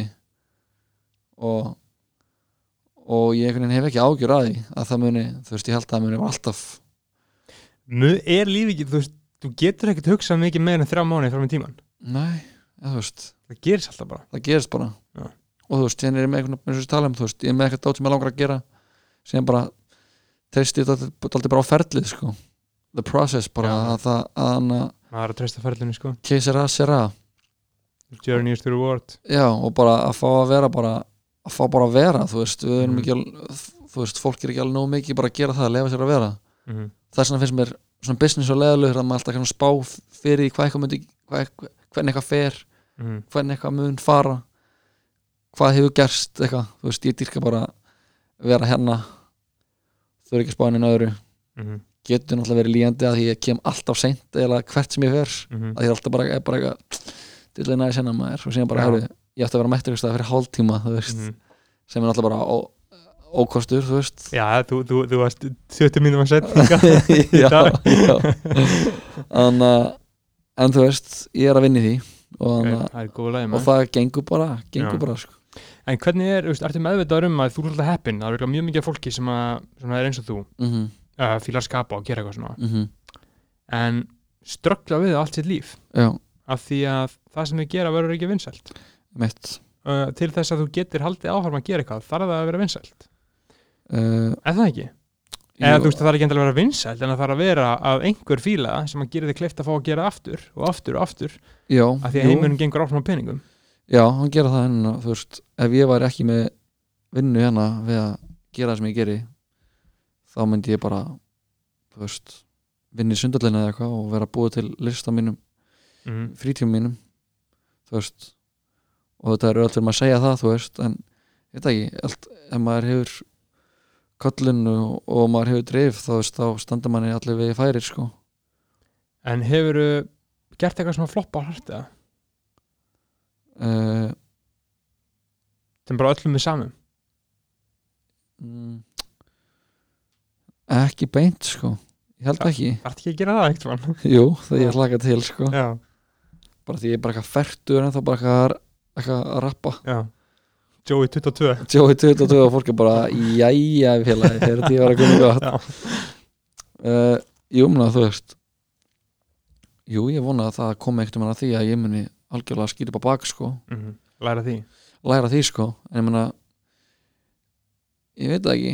Ég held að, þú veist, ég er bara er heppin alltaf bara að fyrsta lagi sem ég ge- gef út er ógæslega vinsælt þú veist, Mm. og þannig að en það spila miklu meira inn í heldur en bara það sé eitthvað, þú veist spila margt inn í þetta, þú veist. Það er ekkert bara eitthvað talent, það er líka bara annað, þú veist timing og, og þú veist, stemning og eitthvað svona dót þú veist, fellur eftir í- inn í hvaða landslega þú, veist að tala, þú veist að gefa eitthvað dót út en þú veist þegar þú ert ekki með ekki, fylgi þú ert ekki, þú veist, fólk þekkið ekki, þú ert svona ó, óþektur þú veist, þá er það oft þú veist þá getur það alveg svona meikað að breyka sko, hvort þú Mhm. talar inn í eitthvað bara það akkurat resonator með einhverjum, þú veist mm þú talar eitthvað, það er mikið noise í gangi þú veist, það heyrist ekki, þú veist, þá er það bara fangin leðalegt, -hmm.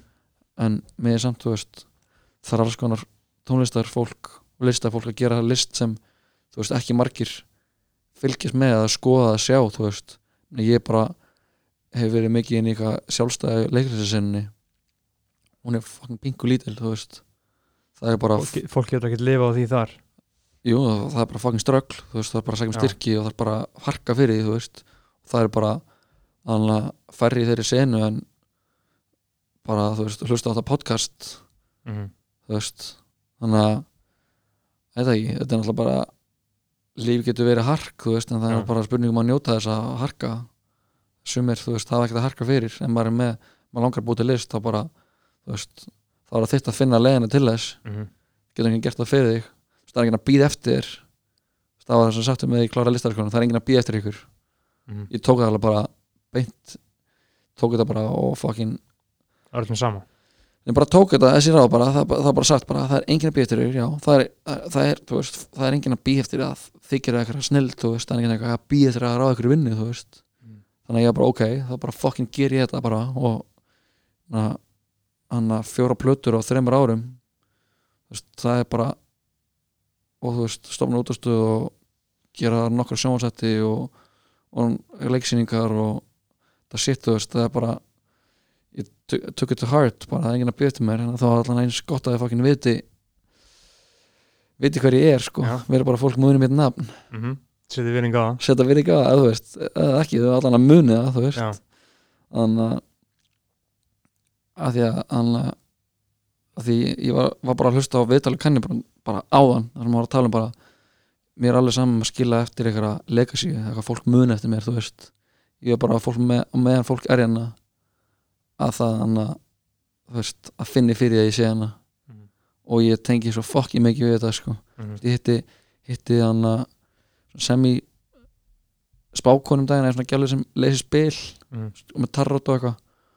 Og ég átti svo gæðið moment með henni hún var bara eitthvað, hún hor- horfði mig hún var bara eitthvað fór bara eitthvað að hlæja og bara þú ert algjör og ég bara, ég veit þú veist, what the fuck, þú veist, hvað er málið með þetta þú veist, bara, þú ert bara algjör ég veit bara ekki hvað ég að segja við þig þú veist. Mhm. þú ert bara að hafa áhrif. Þú ert bara að hafa áhrif. Og ég bara, bara ég bara aldrei verið svona fokkin kjarnaður bara ever. Þú veist, það var bara geðvett hún bara, hún bara kjarnaði mig bara, þú vilt bara, það er bara, og ég fatt að bara já, það er bara sem ég vil gera, þú veist. Og bara hafa, bara lifa lífinu, vera gera skemmtilega hluti og hafa áhrif á, á, á samfærafólk mitt það er basically bara það sem ég er að fá að gera og það er fokkin geðvett, sko. Mhm. og þetta ekki, það er einhvern veginn að vera listamæður er eitt og síðan er annað að vera í showbiz, þú veist, að vera skemmtikraftur. Og það er náttúrulega maður þarf ekki maður, þarf ekki að vísta að maður sé með bæði þú veist, ég er bara með ég er listamæður, ég er bara með mjög fína sleikju af skemmtikraftinu mér, þú veist, þannig að ég er ógeðslega heppin að geta leiki á að spila á mörgum borðum, borðum sko. En þú veist, þannig, og þess vegna hef ég líka ekki áhyggjur að veist, þegar einhvern veginn hvort að rappi feiti út eða veist, tónlist sem ég er að gera, veist ég mun alltaf finna mér eitthvað leið, það er aldrei eins og ég verði eitthvað uppeskrapa með hugmyndir eða muni vera, bara eitthvað búinn. Það er bara, ég er bara rétt að byrja, sko, Mhm. og síðan dyrka ég líka bara að kynast ykkur fólki. Svo sagði bara við vinnum minn dag bara, við, erum ekkert unni mikið saman en erum bara báðið listamenn ég sagði bara, menn, ég hlaka ógæslega til að gera eitthvað fucking geðvitt með þér. Mhm. þetta er 20 ár. Það er geðvitt þú veist, það er bara, gæ- bara hlakka til hlakka bara genuinely til bara eftir 10 ár, 20 ár þú veist. Og það er líka, vegna er- það er líka talað svo mikið um bara eitthvað að passa að líða að veist, að vinna í því að líða, að líða vel veist, að vinna í sér.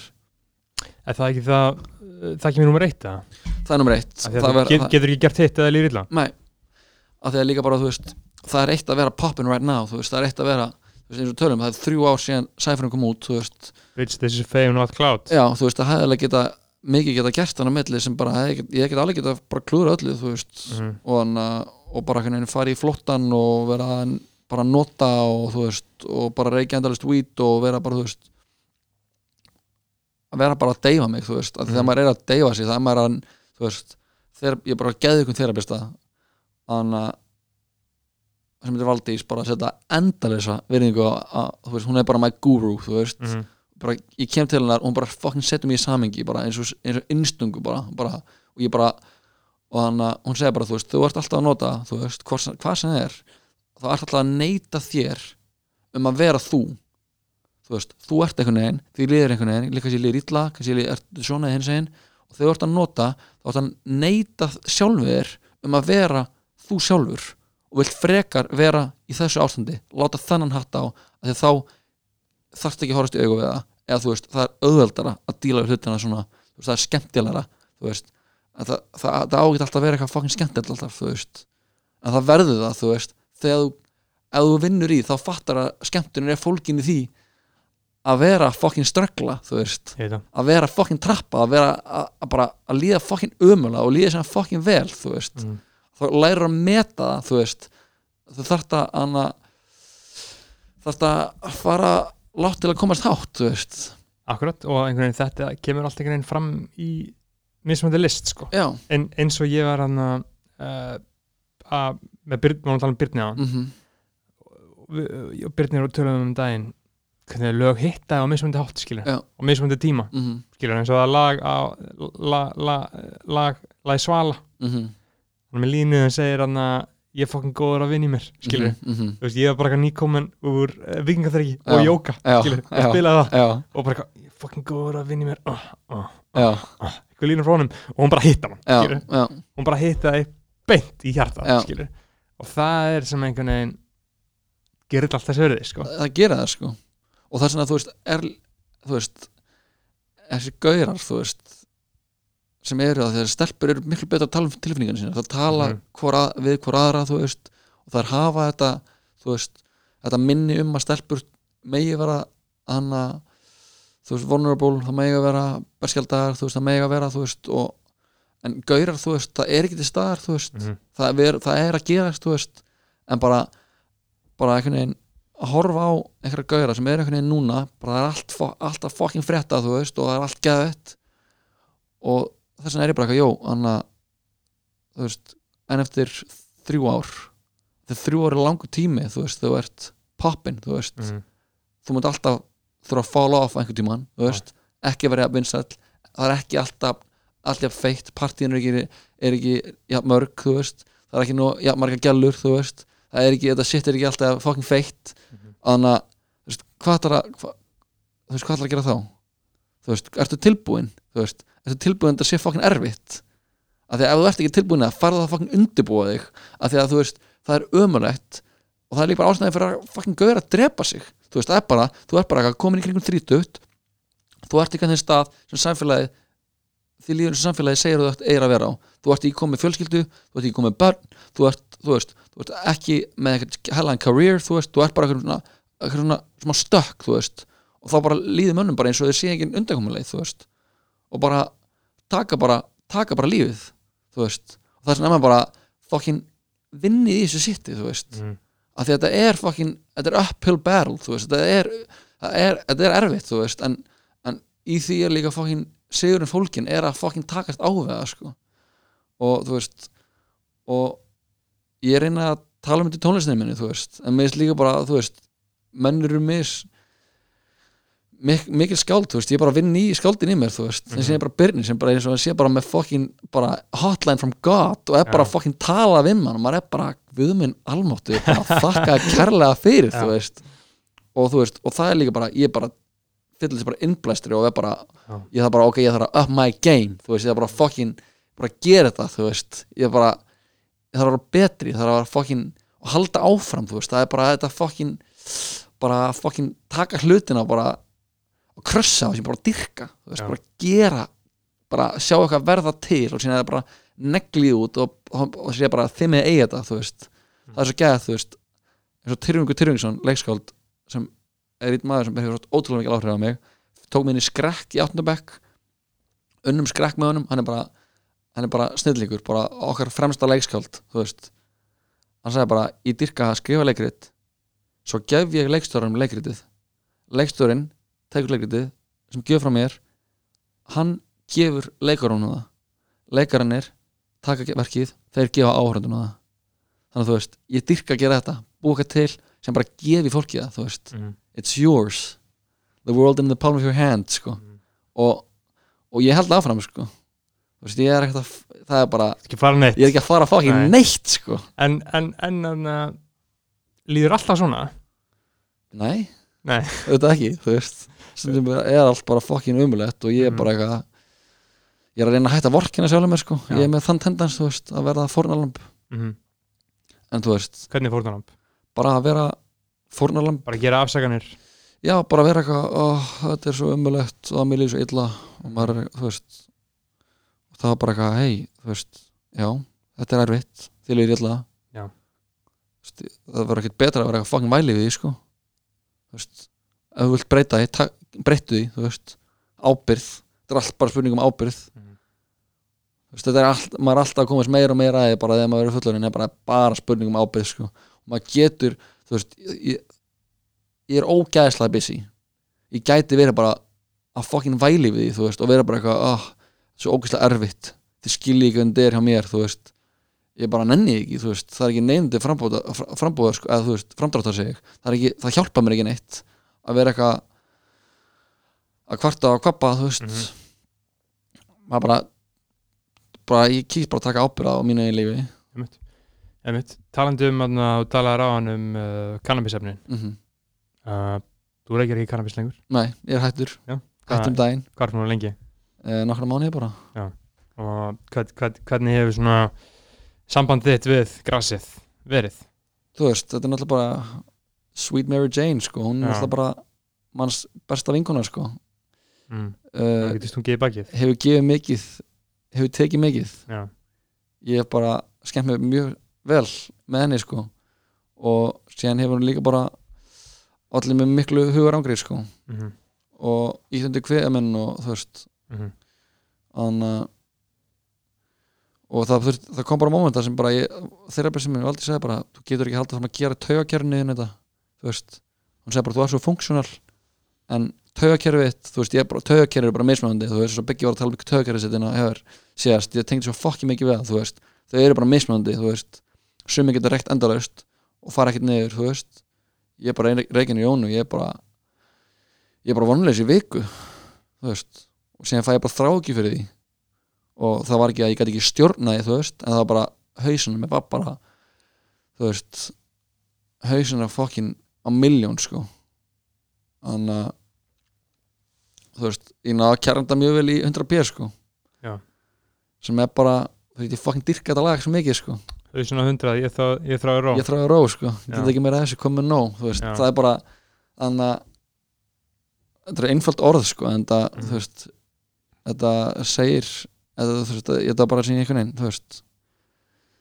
Þurft að segja sko. Mhm. og þannig að þannig að ég er mjög ánæðara og ég hangi alveg ennþá með bara liður vinnum minni smáka hvít og ég bara hangi með þeim og, og þú veist, rúla upp fyrir það og ég vantar að rúla upp fyrir ég, dýrkar nostri við þetta, þú veist en ég, Já. þetta er bara, ég er búið með skant sko. Til fórtíðin já, þetta er bara þannig að þetta er, þetta er fortíðin sko. Mm fortíðin er líka bara það er svo gaman við þessar tíðar allar sko. -hmm. the future is my present so my present is a present kiss my ass ég Já. kann að segja það náttur the future is my present so my present is a present. Ég man ekki hvað hann segir kann ég í hann my present is a present kiss my ass Mm -hmm. það er bara marga línur þú veist, ég er bara svona er búin að hlusta mikið á þess að plötu þetta og hlusta á Dissect Já, hann segir I'm, living in the future so the present is my, past. is my past. Já, I'm, I'm, my presence is a present, kiss my kiss ass my ass. Já. já, Hann býr í framtíðinni þannig að nútíðin er fortíðin. Já og hans Nærvera, er, náðagjöf, er náðagjöf sleikja honum rassin já, bara kiss my ass. Ég tenk, ég þú veist, ég, það kann ég bara nær, nær mér svo vel sko. Nema kannski nýja platan ég var ekki alveg datt ekki alveg inn í Ég er ekki búin að vinna á þeirra nei, ég kannski ekki hlusta nóg mikið á hana en ég er bara, er búin að hlusta bara svo mikið á maður býr úr Dark Twisted Fantasy þannig að ég bara, er bara, er bara þú veist, hann er bara nóg fyrir mig í bili sko. Og náttúrulega 108 og Jesus og Öll veislan. öll veistland sko. Mikið góri tónlist til þannig að er- ég er bara höldum áfram sko. Við fókum höldum áfram sko. Já maður uh, Er eitthvað svona uh, Er eitthvað sem við erum ekki búin að fara yfir sem að uh, þið langar til þess að koma, koma áleiðis fyrir, fyrir þá sem er búin að hlusta á tvo tíma skilur, Þeir sem- já, þeir eru real ones það eru real ones, já þú veist. Eitthvað sem þeir þurfa að heyra. Þau, bara love you sko, já, love you guys. Ást og friður. Ást og friður, bara fucking þannig að njóta þess að vera til sko. Mm -hmm. ég er búin að segja það, ég segja það aftur sko. Af því að þetta er þannig að we only got one life held Mhm. ég, þú veist. Kannski. Kannski þannig að bara þannig að gera þetta dæmi sko. Every Algjörlega. day. algjörlega. Uh, Joey Christ, Jóhann Kristoffer uh, takk fyrir kona, takk fyrir mig. Þetta var epist uh, Þetta- inspirational spjall hjá einhver já, maður, ég, kannski maður fari út í þetta inspirational án grín sko, dæmi sko. Þú veist, að gera alveg uh, að gera og ekki vera að selja fólki neitt. Emitt, þú ert ekki að selja neitt nema drauma emitt ekki selja eitthvað fucking námskeið. Einmitt. Þú ert ekki greiða pening á því þá er þetta bara allt í góða lei eins og það var eitthvað svo gott komment ég var að eitthvað lusta á eitthvað viðtalið David Lynch eitthvað um transcendental meditation eitthvað. Já, og hann segir eitthvað eitthvað never ever ever in your life pay for enlightenment. Nei. Það áður ókipis ára ákipir sko, mæli með TM líka. Já. ég gera það. Já. þetta fara námskeið, það kostar þetta smá námskeið. Mm -hmm. en uh, það er bara basic. það er bara basic mm þú veist. Tími. Herru, takk fyrir kona takk fyrir mig, Guð bless ykkur. Peace